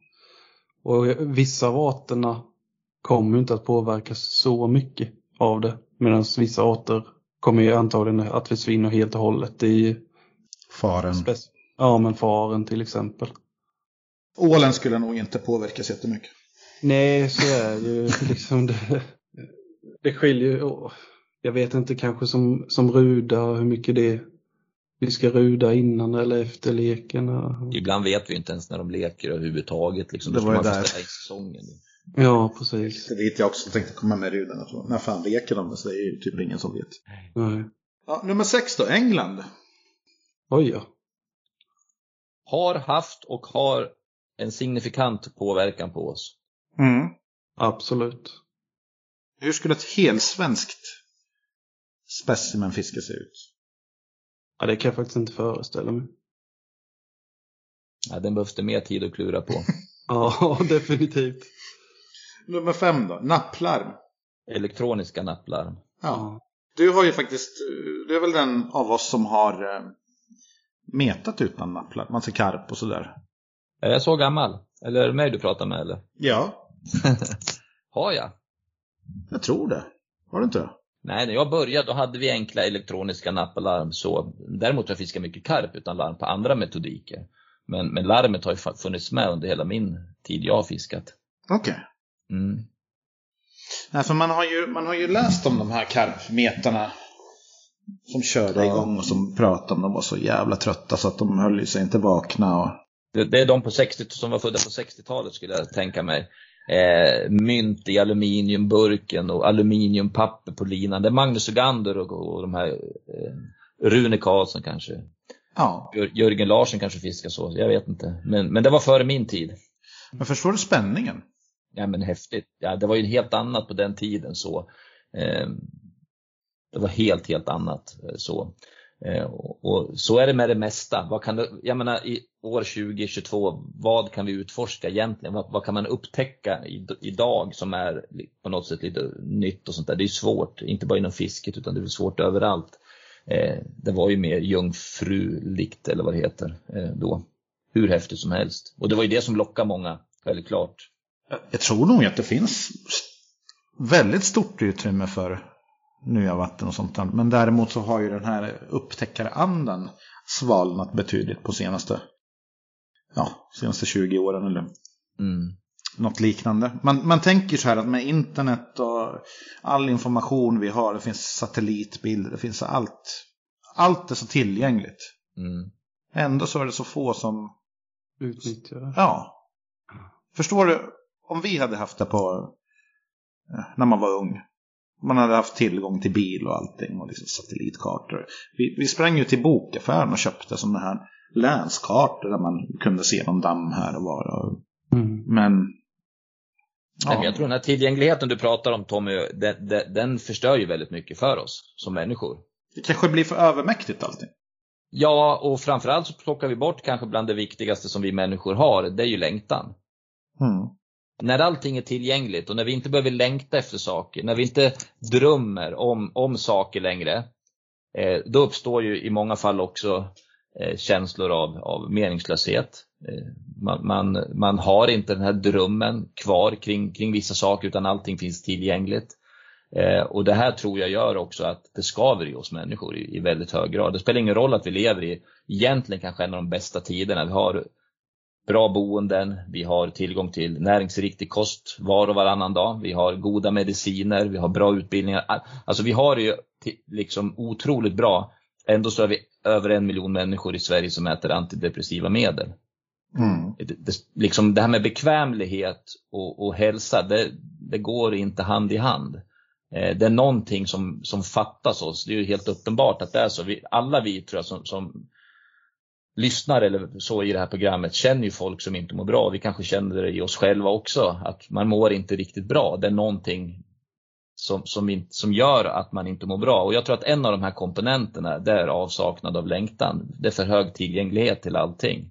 Eh, så, så, så då är vi tillbaka igen det här med vanor och annat och hur vi organiserar oss inom både fisket och livet i stort och eh, allting de här bitarna. Men jag tror att det är otroligt viktigt att få längta. Mm. Nummer fyra då, kontrollerade vatten. På tal om något som inte är tillgängligt då. Alltså vi har ju, vi har, vi har ju börjat fått en hel del vatten där efter hård fisketryck har, att det har blivit någon form av kontroll på hur många människor som får fiska. Det har blivit syndikat, det har blivit eh, fiskekortssystem, alla möjliga. Är det en bra sak eller är det en dålig sak? Ja, huvudsakligen så är det en jättebra sak. Mm. Tycker jag med. jag vet inte om det ska till, då tänker någon vad, vad fan svarar han sådär för? Liksom. Eh, jag, kan, jag kan motivera och förklara lite grann kring det där också. Eh, jag menar det måste ju till folk som är beredda att stoppa in tid i detta. Eh, alltså man vill ha ut någonting för all den här tiden man stoppar in. Man kan inte bara eh, låta vem som helst, hur som helst komma och fiska sönder ett vatten oavsett om det är med nät eller om det är med någonting annat. Utan satsar man och man bygger upp en resurs, för det är det ett fiskevatten är, det är en resurs. Då måste man vårda, man måste ta hand om den här resursen, man måste förädla den över tid så att den finns kvar över lång tid. Eh, och ska man göra det så behövs det olika typer av regelverk eller begränsningar. Eh, om, om allting är tillgängligt för alla, eh, då kommer det vara väldigt, väldigt svårt att få någon att göra någonting. Och det är där vi är i samhället i stort idag. Det är väldigt svårt att rekrytera eh, människor på ideell basis inom idrottsrörelsen eller inom fisket för den delen också. Vi kommer förmodligen komma tillbaks eller komma, komma till ur sjön. Men mm. jag, jag, ser ju det här lite grann som en sporttillställning eller en konsert eller vad, vad fan som helst som, som kostar pengar. Att på något vis så är ju fiske ofta att allt annat får kosta. Och gärna hur mycket som helst. Alltså, fiskar du gädda så ska du ha en sprillans ny Volvo XC90. Du ska ha en sån båt, du ska ha ekolod för 30 000 och spinnrullar och grejer. Men det viktigaste av allt, fisket, det ska vara gratis. Mm. Jag, jag, tycker att det är lite fel balans där. Att... Ja, det påverkar såklart kvaliteten. Alltså det påverkar ju vilka möjligheter vi har. Eh, och, och, det där har ju naturligtvis också gett ett avtryck på vilket utbud av olika fisken som vi har. Jo, men samtidigt så är det att när du bokar en resa, du bokar en upplevelse, du bokar en... Du bokar någonting som är hela tiden inte tillgängligt utan du vet att ja, men den 30 maj till och sen tre dagar framåt då kan du få vara vid det här vattnet och då har jag betalat för det och då kan du se fram emot det. Alltså det och sen framförallt att någon kanske tar hand om vattnet. Se till så att det inte blir överfiske, se till att det inte kanske blir nedskräpat, ha regler bla bla bla. Men vi i Sverige skitdåliga på att betala för, för fiske. Jag tycker mm. faktiskt det. Mm. Vi har ju inte ens ett nationellt Nej. fiskekort. Alltså Nej. att alla, alla skulle kunna sopa in en, ja. en hundring. Nej, men i sak så tycker jag att du är helt rätt. Liksom just det där att det, det, det är tillgången på fisk som borde vara det viktigaste. Sen om jag har en enklare kolfiberspö eller inte, det, det, det, är en annan fråga. Men, men finns inte fisken, finns inte möjligheterna, då spelar det ingen roll om jag har de finaste av alla nappalarm på marknaden. Det blir ju inte så jäkla roligt i slutändan i alla fall då. Nej, ja, det är vi faktiskt rätt usla på skulle jag, Mm. skulle jag säga. Eh, nummer tre då, Arne Broman. Hur skulle svensk fiske eh, se ut, eller mete, om han aldrig har funnits? Jag är för ung för att kunna uttala mig om det tror jag. Jag har inte läst så jättemycket om Arne Boman faktiskt. Eh, Jag har ju pratat tråkigt nog. enskilt med honom om just denna fråga. Mm. Eh, och eh, Arne, Arne Broman eh, kom ju i rätt tid skulle jag säga. Alltså, det, eh, när han, det var relativt enkelt för honom. Eh, och då är vi tillbaks igen där med att han levde i en helt annan tid. Det var få kanaler in i Sverige med det här materialet. Så att, så att när han började titta på den brittiska marknaden och plocka in influenser därifrån in i svensk media så, så dels var det relativt lätt jobbat för honom. Dels eh, så, så fick det stor påverkan. Mm. Eh, Det var lite grann som att komma till ett färdigt smörgåsbord för honom, vilket gjorde att det var väldigt många som fångade upp hans influenser. Eh, Så att, så att eh, han har haft enorm påverkan. Enorm påverkan. Eh, eh, Just att han såg att han kunde plocka de här grejerna från England och föra in dem och, eh, eh, Eh, i Fiskejournalen och att chefredaktören på Fiskejournalen eh, upplät allt det här utrymmet. Det är ju helt fantastiskt att de gjorde det eh, på det sättet som de gjorde. Och vilket gjorde ju då också att det fanns få medier. Att det fick enorm genomslagskraft, det som Arne Broman gjorde. Många som kanske inte vet, men han, han skrev ju för en tidning som heter Svenskt Fiske. Det är väl, eller väl, det är Sportfiskarnas tidning då. Den har ju hetat Sportfiske, Sportfiskarna har slagits ihop med FI och nu heter det väl Svenskt Fiske igen då.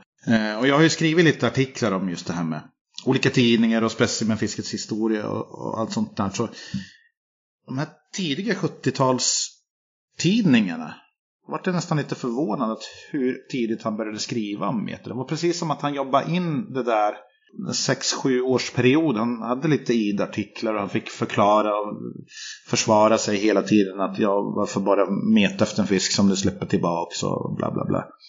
Och det var väl inte först 77, 8 någonstans där det liksom tog skruv med, med allt det där. Mm. Men det, det är ju som, som du säger att han kom ju lite grann. Han fick ju mycket gratis också där som han... Ja, jag skulle inte säga så. Jag vet jag tänkte den tanken om det lät som att jag sa att han fick saker gratis. Jag skulle säga så här, han var väldigt tidigt ute med att se mönster och se saker. Han, han, han var duktig på att se och plocka in de här influenserna från England. Han måste vara duktig på att sålt in där och fått det publicerat. Så att det låg nog mycket jobb och, och sådär bakom. Jag tror att han satt och skrev ofantligt mycket. Jag tror att han lade ner mycket tid på att lära sig de här sakerna också. Jo, givetvis. Men någonstans Mm. Ja, så men jag kom de ju den som ifrån. inte med så, så att det inte liksom blir missuppfattat att här sitter, sitter de i podden och säger att Arne Broman har fått det gratis. För det tror jag inte. Utan jag tror att han jobbar på. Men att han var duktig på att se vad som skulle kunna, eventuellt kunna bli någonting. Det är väl ingen som någonsin kommer göra lika mycket för meter som Arne Broman i Nej, Sverige. det går ju inte idag i de här tiderna så. Det finns ju inte alla står på scen höll jag på att säga. Eh, det har aldrig varit så lätt att nå ut till folk som det är idag. Men det har aldrig varit så svårt att nå fram. Mm. Eh, på den tiden så hade Arne Broman kanalen. Han hade vägen in i England, han hade kanalen via Fiskejournalen. Som, jag kan inte exakt de här upplagorna de hade vilka år, men de var ju uppe på 50 000 där när det var som störst. Mm. Mm. Då Det leder, var, leder oss in till plats två här och specimentävlingen som han i högsta grad var involverad i.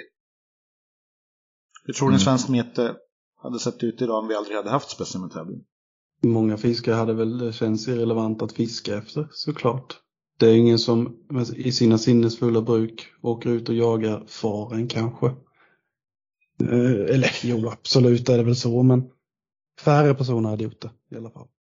Så är det ju. Och det hade ju inte drivit fisket framåt. Nej, det väl, finns väl få. Alltså metet är så, eller tävlingen är så intimt förknippat med specimenmeter på något vis. Att det är nästan svårt att föreställa sig ett specimenmeter helt utan eh, tävlingsmoment.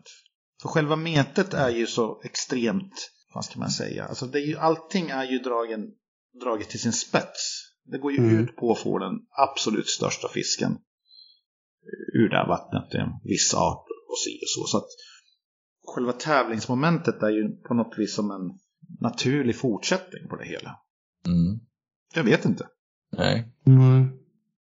Jag tror att det här meta utan att tävla, det kommer nog när man är 40 plus höll jag på att säga. Mm. Den stora nackdelen med specimentävling är ju att man samlas i samma vatten ofta. Så är det Mm. Plats ett då för att få bort det här då. Internet. Kan man idag föreställa sig ett fiske utan internet? Nej, det går inte att föreställa sig någonting. Va? Gör det utan, utan det här som, som finns nu. Alltså, hur, hur ska man kunna klara av att liksom ha något fiske relaterat utan internet? Det går ju inte ens att boka ett fiskekort utan internet idag. Nej, det är fantastiskt vilka möjligheter det har gett oss. Det är en helt annan, det är, det är fascinerande att, se de här bitarna. Sen, sen kan man ju prata om nackdelar så också då, men, men på totalt sätt så tror jag inte vi vill tillbaka utan vi måste bara lära oss att förhålla oss till det på ett bra och sunt sätt. Ja, så är det. Hur är ditt fiske idag då? Nej, tyvärr är det ju inte alls mycket. Jag är i, i fiske, vad heter det? fiskeöken. Jag befinner mig i en öken. Mm. Ska bara ta det där med fisköken så det är inte så att jag tröttnat eller någonting. Tvärtom, jag lägger ner enormt på, på att få det här egna vattnet och, och kunna fiska där ute och eh, kunna erbjuda möjlighet till fiske. Så, så, att jag brinner lika mycket för det men tiden är begränsad och mycket annat. Och när man drar igång ett sånt här projekt som jag har gjort jag kan inte liksom pausa det för att sätta mig och meta färna ibland. Så, även om jag skulle vilja. Utan, utan det gäller ju att liksom ro ett sånt här projekt i mål.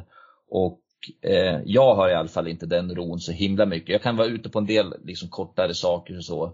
Eh, men, men jag måste ju fokusera på det uppdrag som jag har gett mig själv. Och det, och det är ju att dra in det där i mål. Och, eh, gör det då att jag lever i en liten öken under en rätt begränsad tid i mitt liv för att få det bättre sen ja, då är jag beredd att ta det alla dagar i veckan.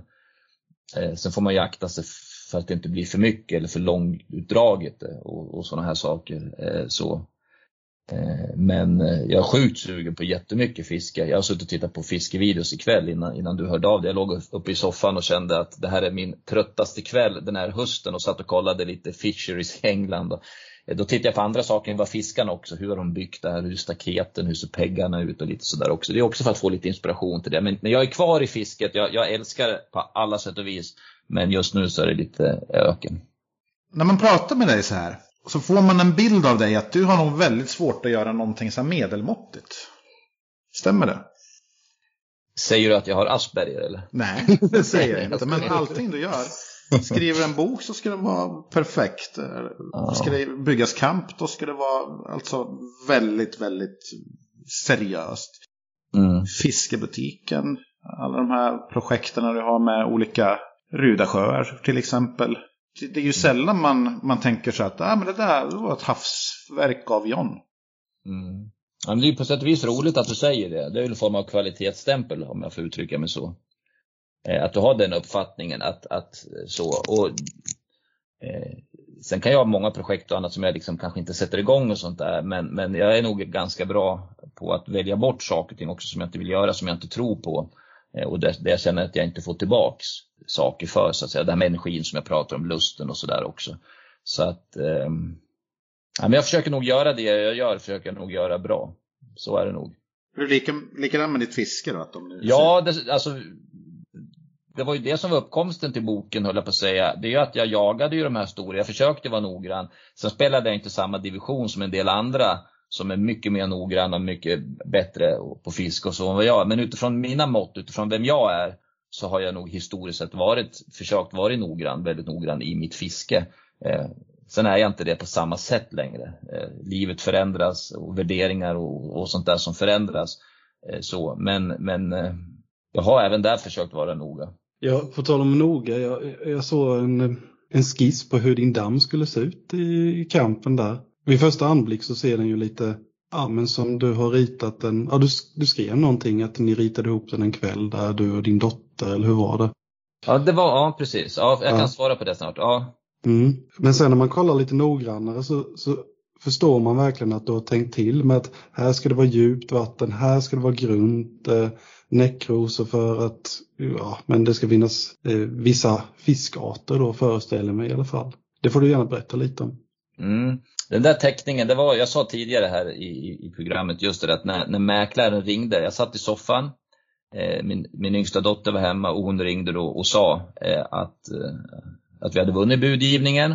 Och, och jag sa här också att det, var en, eh, att det var en skön känsla, lite befriande känsla. Och när jag visste det och då var jag hemma själv med, med dottern, då sa jag så här, kom Ella, vi sätter oss vid köksbordet och ritar. Och så det här är ju gjort en halvtimme efter det samtalet eh, där hon tror att, att vi leker. Men där jag skissar på den viktigaste visionen som jag har haft i hela mitt liv. Den som har funnits i mig på ett eller annat sätt i 20 år men som jag aldrig kunnat förverkliga. Så vi sitter ju med, med hennes tuschpennor och ritar och sådär också. Åh pappa du ritar det och hon kanske ritar någon apa, vad vet jag, jag kommer inte ihåg sådär. Men, men det är därifrån den bilden är och det är i det sammanhanget man måste se den där bilden. Eh, så att, att det är en ögonblicksbild över en tänkt tanke hur någonting ska se ut. Och hade det här varit ett tv-program nu så att säga, då hade vi kanske kunnat lagt verkligheten och den där teckningen bredvid varandra. Och Exakt. utfallet är jäkligt likt. Så ja, det, blir, en... det är så ja. Hur tänker man kring djup och sånt där? Alltså om man nu får, om man hade fantasin som sätter gränserna. Då tänker man ju att ja, men då ska ju sjön vara jättestor. Den ska vara 25 meter djup där och där ska det. Men det måste finnas praktiska och eh, ja, liksom naturliga.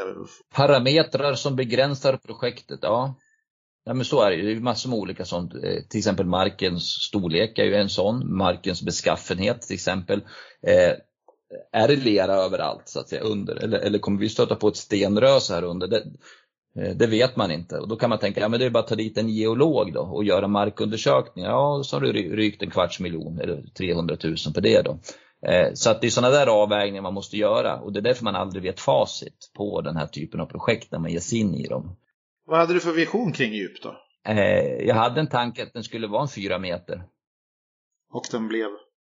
Ja, fyra, fyra och en halv meter då. Mm.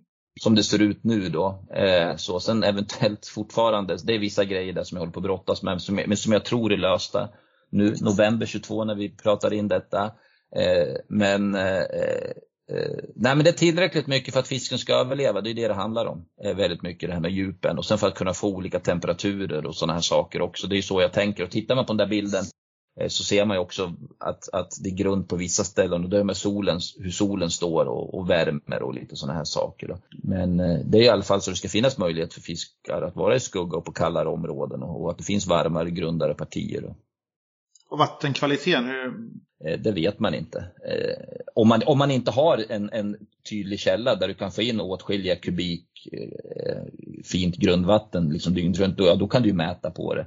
Men man vet ju inte. Sen kommer det in växter och du vet ju inte hur spridningshastigheter och sånt där är på sådana saker heller. Så det är väldigt, väldigt svårt. Det är det ena svaret. Det andra svaret är att, att man får inte ta bort glädjen i projektet heller när man bygger en egen fiskesjö att allting, det här är inget vetenskapligt projekt någonstans utan det här är liksom ett projekt som ska skapa glädje och livslust och energi för, för, för mig själv och för människor i min omgivning.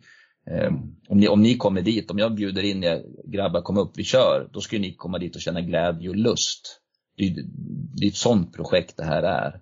Sen får det vissa saker bli som det blir. Ehm, jag kan inte, på den där skissen där Daniel, jag vet inte om du har den framför dig, men, men det är ju ritat vad nekrosen och sånt där är också. Exakt. Eh, ja, och sen förstår jag att det inte kanske så det blir. Eh, man får ta det för vad det är, det är en tänkt tanke vid, vid, vid ett tillfälle.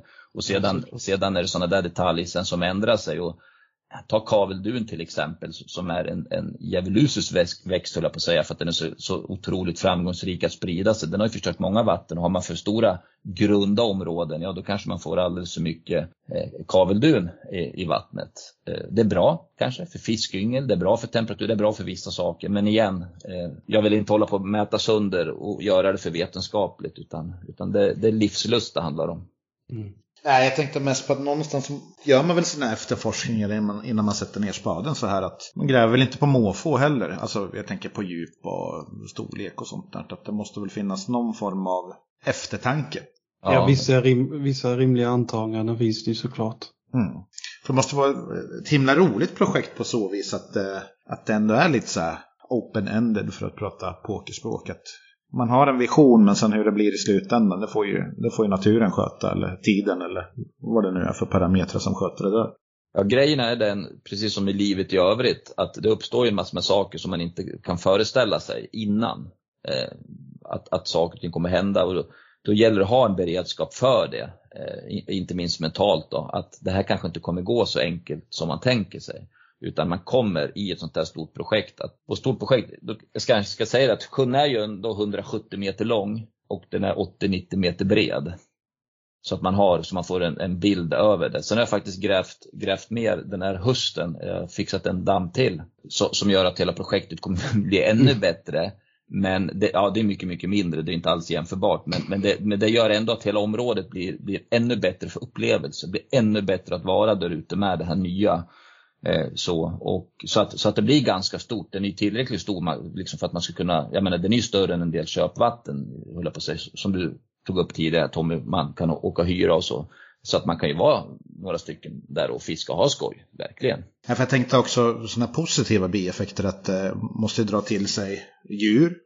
Massor. Kan ju komma, jag vet inte vilka, vilka djur som finner den där som en, eh, ett bra ställe att leva på. Grodor, fåglar. Har ni, ha, har ni haft Kristoffer Jansson i podden? Ja. Han är ju fantastisk på fåglar. Eh, han, han och, och, en kille som heter Emil hade, gjorde sin praktik när de gick på gymnasiet ute på kampen. Tyvärr fick de komma in i ett läge där väldigt mycket var under uppbyggnad så att de fick ju slita och jobba en del och sådär. Men det var roligt. Kristoffer är mycket duktigare än vad jag är på fåglar och det var ju roligt. Jag hade märkt och jag märker ännu mer sen, sen den sommaren Kristoffer och Emil var på plats att det, eh, fågellivet hade ju verkligen exploderat och det är tack vare vattnet. Och Eh, det var roligt att höra han, ja den tonfalk och det är det. Och, då kände jag att här ligger jag och läser det. Men det var ändå roligt liksom när han sa fan mycket olika arter där. För det är verkligen det, det har blivit en oas av, av olika arter där ute. Eh, insekter och, och, ja, det är häftigt att se när det växer upp allting. Från att det är liksom ett månlandskap av lera egentligen tills som det är nu, liksom att det har tagit sig väldigt bra med gräs och buskar och alla stickningarna man har planterat. Alla de här bitarna så, så växer det ju fram en allt mer mogen miljö om man ska använda britternas uttryck då, att en mature lake. Det dröjer ju naturligtvis innan det är det, men, men steg för steg så rör vi oss i den riktningen. Till eh, sist kanske här då, Ursjön och framförallt Forest Lake. Nu har du ju haft Ursjön, hur länge är det då? Ja, alltså som jag har arrenderat den så, det var en klubbsjö från början. Det fanns ju en, ett lokalt gäng här uppe som heter Team Carassius.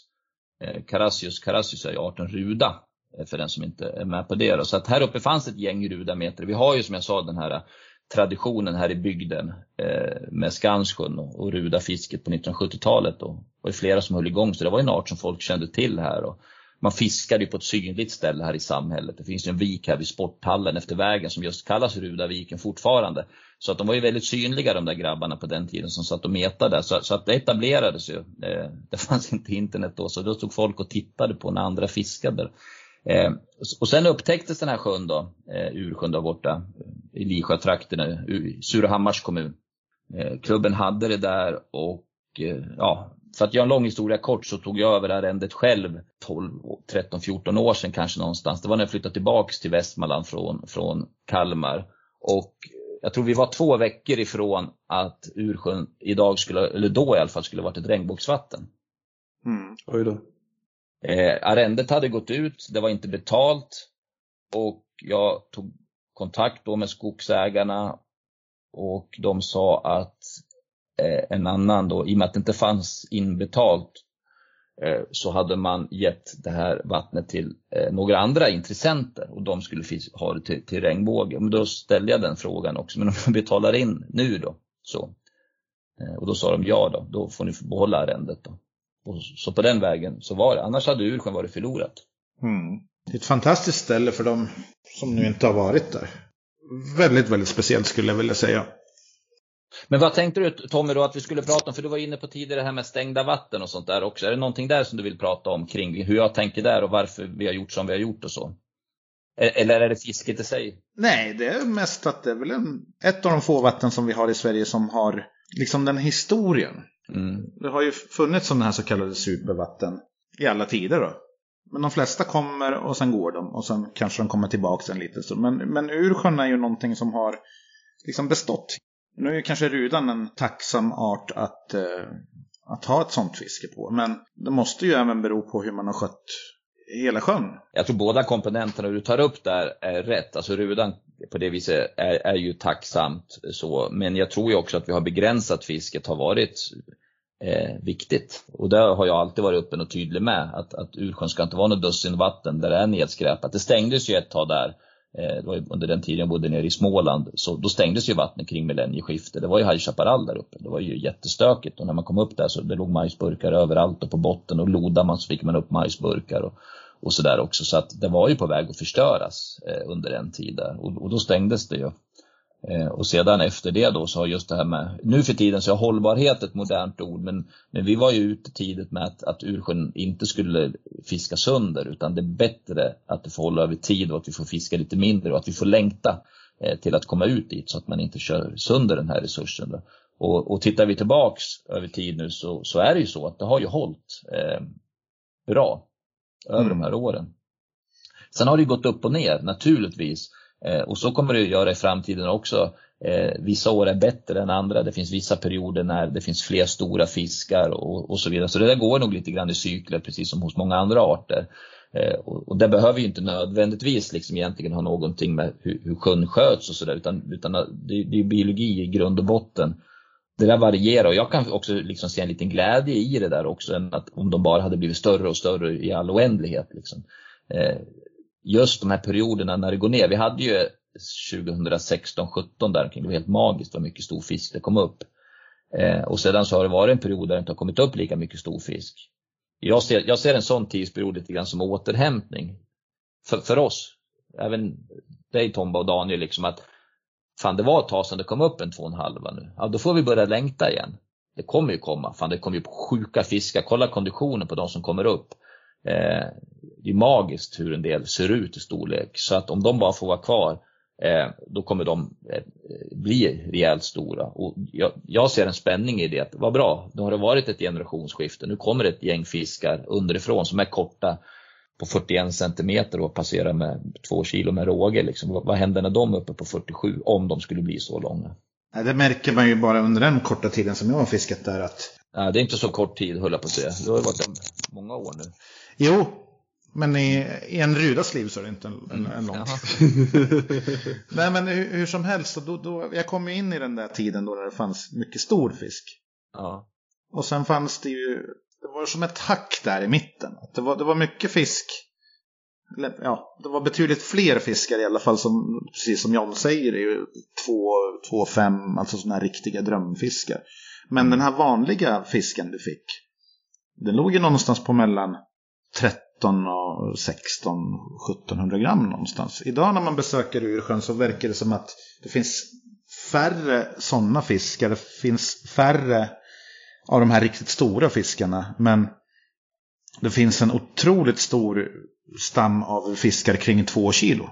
Ja, jag vet inte hur många det är så, eh, eh, men, men huvudmönstret håller jag absolut med om att det är så där. Så att jag tror ju att vi kliver in i några sjukt spännande år här. 24, 25, även 23 nu nästa år. Jag tror det kommer smälla på något stort. Men, men tittar vi fram två år i tiden så kan det bli riktigt stora fiskar. Mm.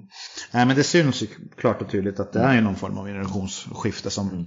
som händer. Och fiskarna är ju som du säger, de är ju relativt klotrunda. De... Ja. ja. det är nog bästa konditionen jag har sett under alla de här åren så att säga. Eh, eh, och att det är flera fiskar som är så korta och så feta som ser ut som grodyngel. Det kan man gå in på Ursjöns öppna Facebook där och, och titta på så ser man ju Kristoffer där som jag nämnde tidigare, Jansson fick ju någon fisk där som, som var helt absurd.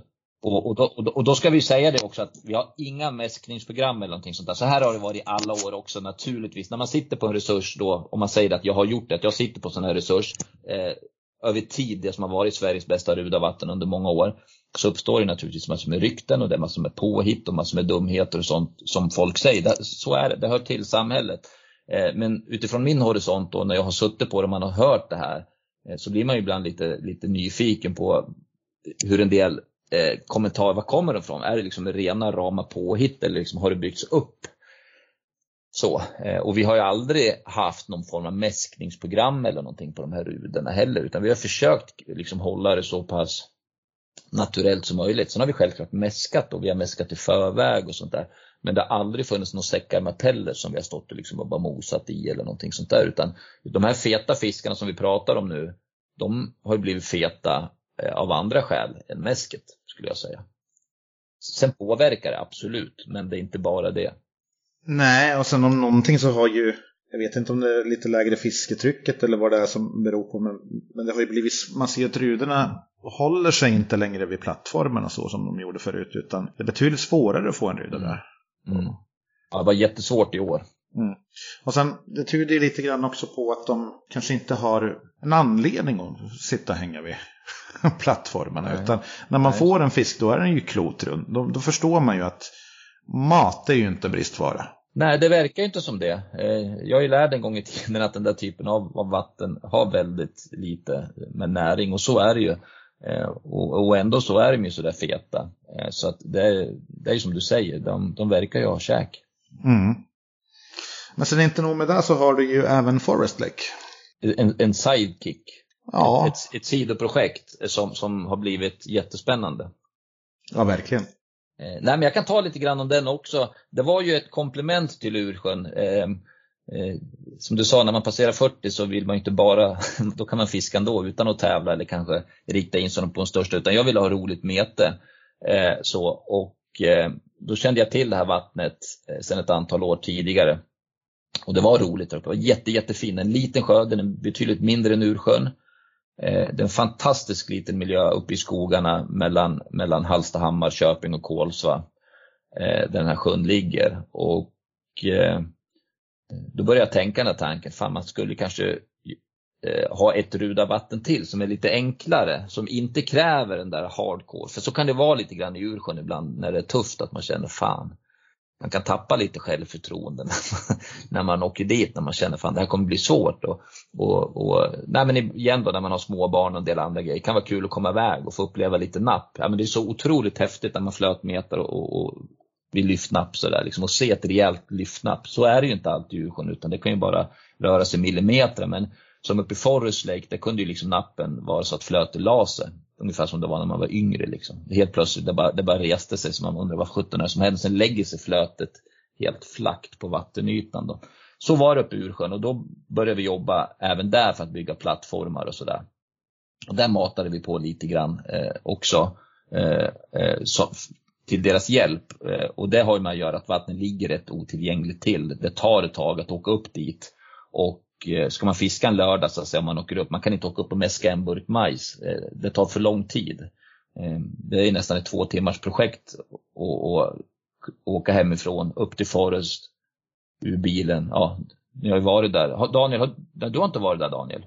Jag har varit där en tänkte dag. Ja. Ja. Ja, men, ja, då vet ni hur det ligger till så att säga. Att det är ingenting man bara sticker över på en kafferast. Och, så, så, så där har vi tryckt på lite mat då, så att säga och byggt plattformar och spänger, precis som uppe i Ursjön. Så, så att om man varit i Ursjön och man vet de här plattformarna eller man har sett bilder så är ju Forest Lake eh, lite lika på det viset men egentligen en betydligt mer orörd miljö och mer orörda ruder. Eh, och så det har ju varit jätteroligt. Det här året, så om vi ska titta, om vi ska prata storlek, så är det ju sjuka storlekar som är på gång där. Eh, och det kom ju som en blixt från klar himmel för mig. Att de skulle vara så stora. Det har gått fort också- också. Jag har ju liksom förstått att de kommer passera 1800. Vi kommer ha några individer som, apropå storfiskregg där, som kommer passera den här 1800 gränsen. Var det Carl Lindén som fick den första tvåan? Var det så? Två, 2-1-20 va? ja. ja, det var helt galet när han sa det liksom. Mm. Vad är sjörekordet där nu? Det är 2-2 någonting i alla fall va? Är det så? Jag, kan- Nej, jag tror att nej, 2-1 någonting är det. Men det är ju, Ja. det är ju några, det är inte bara en fisk. Jag fick ju en på 2050 och sen fick jag en på 1930 Mm. eller vad det var. Så. Det verkar ju finnas en del storfisk om man säger så. Ja. Och jag ja, menar, är då, då när vi fiskade för tre år sedan eller vad det var då när vi fiskade en del. Då var det ju inte en fisk över 1600 vi fick va? Ja, Jag tror att jag fick en på 17 någonting där 1900, eller 2019, 1720 möjligtvis. Jag kommer inte ihåg vad den vägde där. Mm. Eh, jag- vet att jag sa, undrar om det var rekord, om det var så jag sa till Karl någonting, han frågade mig vad, Kalle Lindén frågade mig vad, vad sjörekordet var. Jag tror att det här var i våras. Då sa jag jag kommer inte ihåg Kalle om det är på 1740 eller 1760, men se till- till att ta en över 1800 så vet vi vad, vad sjörekordet är. Och då skickade han den där bilden sen på 21 någonting då. Ja, det var jätteroligt. ja, det var ju kaxigt ja. Ja. Nej, det är ju fruktansvärt roligt där tycker jag. ja, jag älskar den sjön liksom, eh, på alla sätt och vis. Så, och där får vi vara försiktiga. Vi kan komma in lite grann på det där med begränsning med fisket och sådär också. Eh, kanske då om någon vill höra hur man resonerar kring det. Men för mig är det helt självklart att, det, att en sån där resurs måste begränsas. Mm. Eh, det, är av, det är av omtanke mot egentligen allt och alla. Om man tittar på Ursjön över tid eh, så har jag under de, det dryga decenniet, säg 15 år som jag haft det här vattnet, så har min grundinställning varit att alla är välkomna. Jag har, har, det har varit grundinställningen så och ni som lyssnar där ute, ni vet ju det när ni hört av er till mig, att man har haft möjlighet att komma, komma till sjön. Eh, det har inte varit stängt någonstans egentligen så. Sen vet jag också då, apropå det här med rykten, att folk hittar på och man exkluderar och sånt där också. Men de som har ringt och de som har hört av sig, de har ju fått komma dit nästan allihopa. Sen någon gång kan det ha varit trångt så naturligtvis, som 2016, 2017. Men jag har ju på Facebook alltid varit tydlig ute. Bokar ni nu så har ni stor chans att komma. Så att, så att har man varit lite Eh, tidigt ute och man har jobbat, då har man ju oftast till och med fått de tider som man har velat. Då. Så att, och det har jag också funnit stor glädje i. Att, att, eh, att dela med mig, om man säger så, av resursen. Men det är inte ovillkorat. Det är, det är helt självklart att det inte är ovillkorat att någon kan bestämma själv när den ska komma dit och hur och var och sånt där. Utan det finns hundratusen sjöar i det här landet lite drygt. Eh, jag har två av dem som jag arrenderar. Eh, tycker man inte att de reglerna och de förhållningssätten som är framtagna här för att skapa en hållbarhet i fisk, att det är inte bra, fine, jag har inga problem med det. Men då har ni 999 000 andra vatten att leta efter. Mm. Inte 999 000, vad sa jag, 100 000, vad blir det? 99 900 blir det.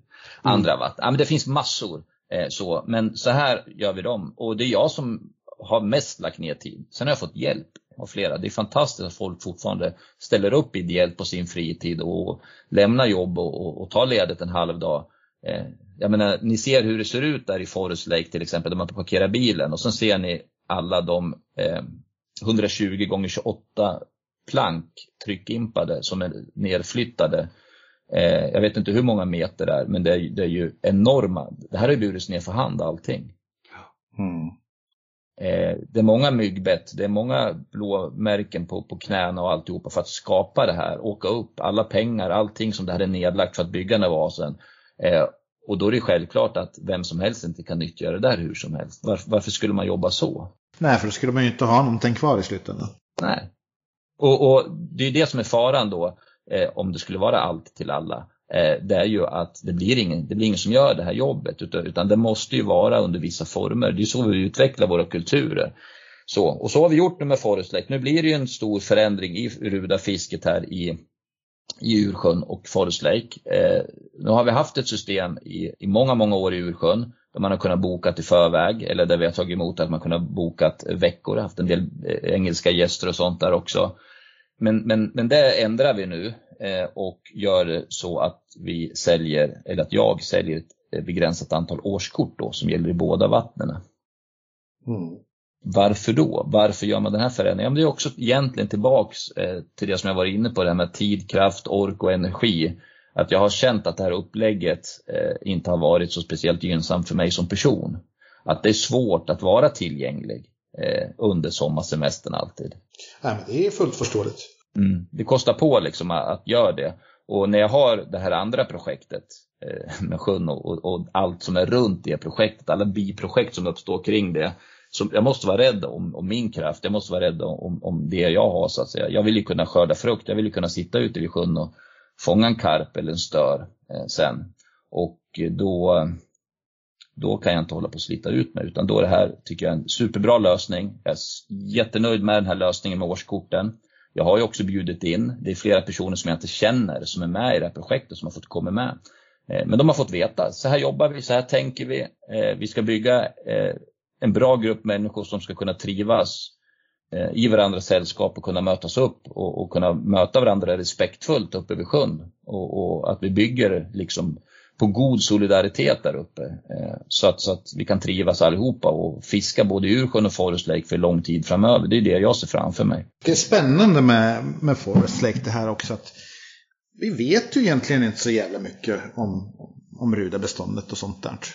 Vem vet, det kanske simmar en 2,5 kilos ruda där eller eh, vad fan som helst. Då. Och just att man är lite i startgroparna. Att folk lägger sina fiskar, vi har ju en, jag är ju med där i, i din Mm. grupp där. Så lägger vi ju upp bilder på fiskarna och sen kan vi följa dem år ut och år in och hur de har växt på sig eller har de inte gjort det. Alltså jag tycker det är fantastiskt eh, spännande helt enkelt att få vara med i ett, det är nästan som ett litet projekt. Ja, men jag tycker också det. Jag tycker det här upplägget, och det här är ju lite, tycker jag, lite old school på den vis. Man kan tycka att liksom på något sätt att det är någonting sentida det här. Eh, liksom på att man ska begränsa. Men jag ser det inte som, som att det är någon form av begränsning, att man stänger ute folk.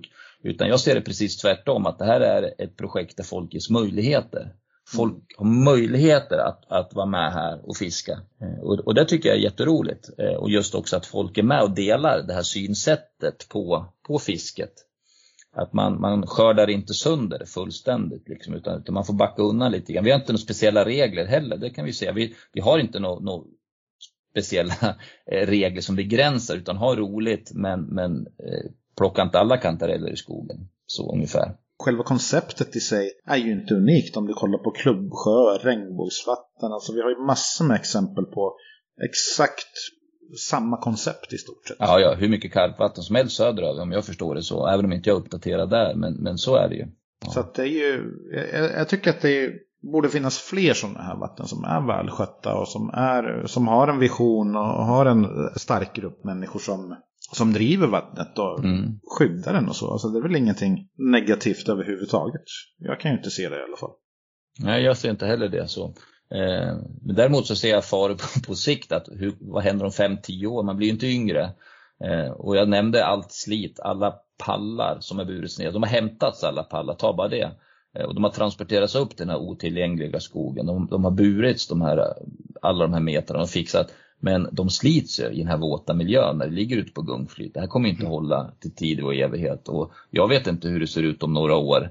Eh, om jag kommer ha någon mer kraft att göra det här en gång till. Ja, men då hoppas jag liksom att mitt, mitt ställe och min sjö och de här bitarna är klara. Så att eh, Det är också sån där liksom att det, kommer, det konceptet vi har nu, det kommer inte bestå för alltid heller. Utan det kommer ju krävas förändringar. Jag kommer ju vilja fortsätta fiska där, men jag kommer inte kunna göra det här själv. Utan det är kanske det som blir upplägget om några år. Det är ju att istället för att man betalar in en summa, ja den här summan kanske blir lägre så vi klarar arrendeavgifterna. Men det är kanske arbet, arbetet som blir insatsen istället.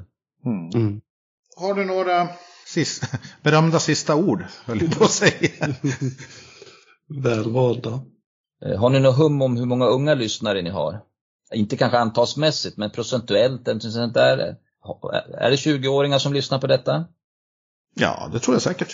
Nej, men alltså, jag har inget mer skick så. Det här tar jag bara också liksom rakt upp från huvudet. Men, men hur är det att vara 20-åring och växa in i det här? Alltså, vi har ju berört det här med internet och alltihopa idag. Och, och det är väldigt svårt som ung att ta råd från, från äldre som har varit med lite grann. Men eh, i grund och botten så, så se till att ha roligt, det är väl egentligen mitt medskick så, så mycket som finns i detta. Lev i nuet väldigt mycket, var glad för det du har. Det finns inte hur många stora gäddor som helst där ute. Och om det bara är de passen man får med största gäddorna eller största ruden, om det bara är de som räknas, då blir livet lite tufft tror jag. Utan jag tror att man ska kunna stanna upp. Ungefär som ni gör när ni är ute i Djursjön, Swedish Anglers. Ni är där, ni käkar mat tillsammans, ni skrattar, det är inte hårdkörning dygnet runt. Utan, utan ni lever ju i nuet när ni är där ute. Eh, det tror jag att, att många skulle må bra av och framförallt om man är yngre eh, och lyssnar på detta. Eh, Eh, vi som är äldre dömer ju inte unga människor utifrån hur många jag, jag, tror inte bara jag pratar för mig själv utan jag tror jag pratar för ganska många.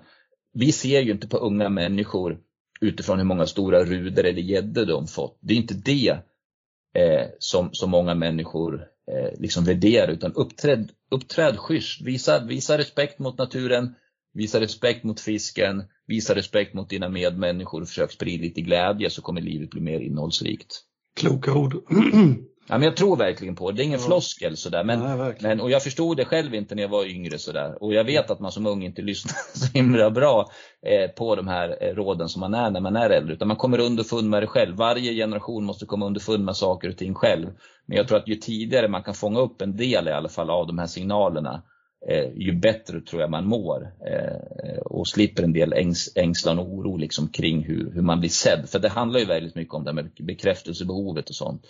Eh, anta inte så jäkla mycket, fråga istället lite grann. Mm. Vad kan jag göra? Om, om, om man är ung, kommer in i metet och man vill bygga sitt personliga varumärke, om vi tar det lite grann. Eh, orientera dig, stäm av med de som är lite äldre. Hur tycker du jag ska uppträda? Vilka värden ser du i din generation? Eh, då får man en bild av vad andra tycker är viktigt och då har man chans att bygga sig ett personligt varumärke och vill man då sen eh, kliva in i, i branschen och jobba på ett eller annat sätt, ambassadör som ett varumärke eller någonting annat, ja då har man ju en plan för det också då. då. Om det är det man drivs av så att säga. Annars, annars igen då, se till bara ha roligt. Ja, det, så är det. Jag har verkligen försökt det där jag med. Att jag funderar på att ju lägre krav man har desto fler lyckliga pass får man. Mm. Ja, det finns så mycket annat i det. Det finns så otroligt mycket annat i det än att sitta där bakom skivertippen och bara känna stress att jag måste smacka en 3 kilos färna. Mm. Eh, det är ett självbedrägeri kan jag tycka, eh, att göra så. Sen kan andra, andra få göra på sitt sätt, men i min bok så blir det liksom för att det är så jäkla få gånger som man får en sån där. Jag har aldrig fått en 3 kilos färna. Och hade det varit mitt sätt, då, då hade jag suttit med den jävla ången fortfarande. Liksom. Det funkar inte. Det, det, det, är inget, det är inte hållbart, utan man måste vara glad. Alla är inte Bosse Teuchler eller, eller sådär som kan ta, eller Leif Kraus eller, eller vad det nu är liksom för, för supermänniskor där ute som, som plockar de där stora fiskarna. Vi andra, vi får slita hårdare. Ja, nej men då tackar vi dig för alla de här kloka ja, orden. Superkul. Ja, verkligen. Det var jätteroligt. Tack så jättemycket. Många gamla minnen som väcktes till liv sådär också. Så det var, ja, det var kul. Tack, tack.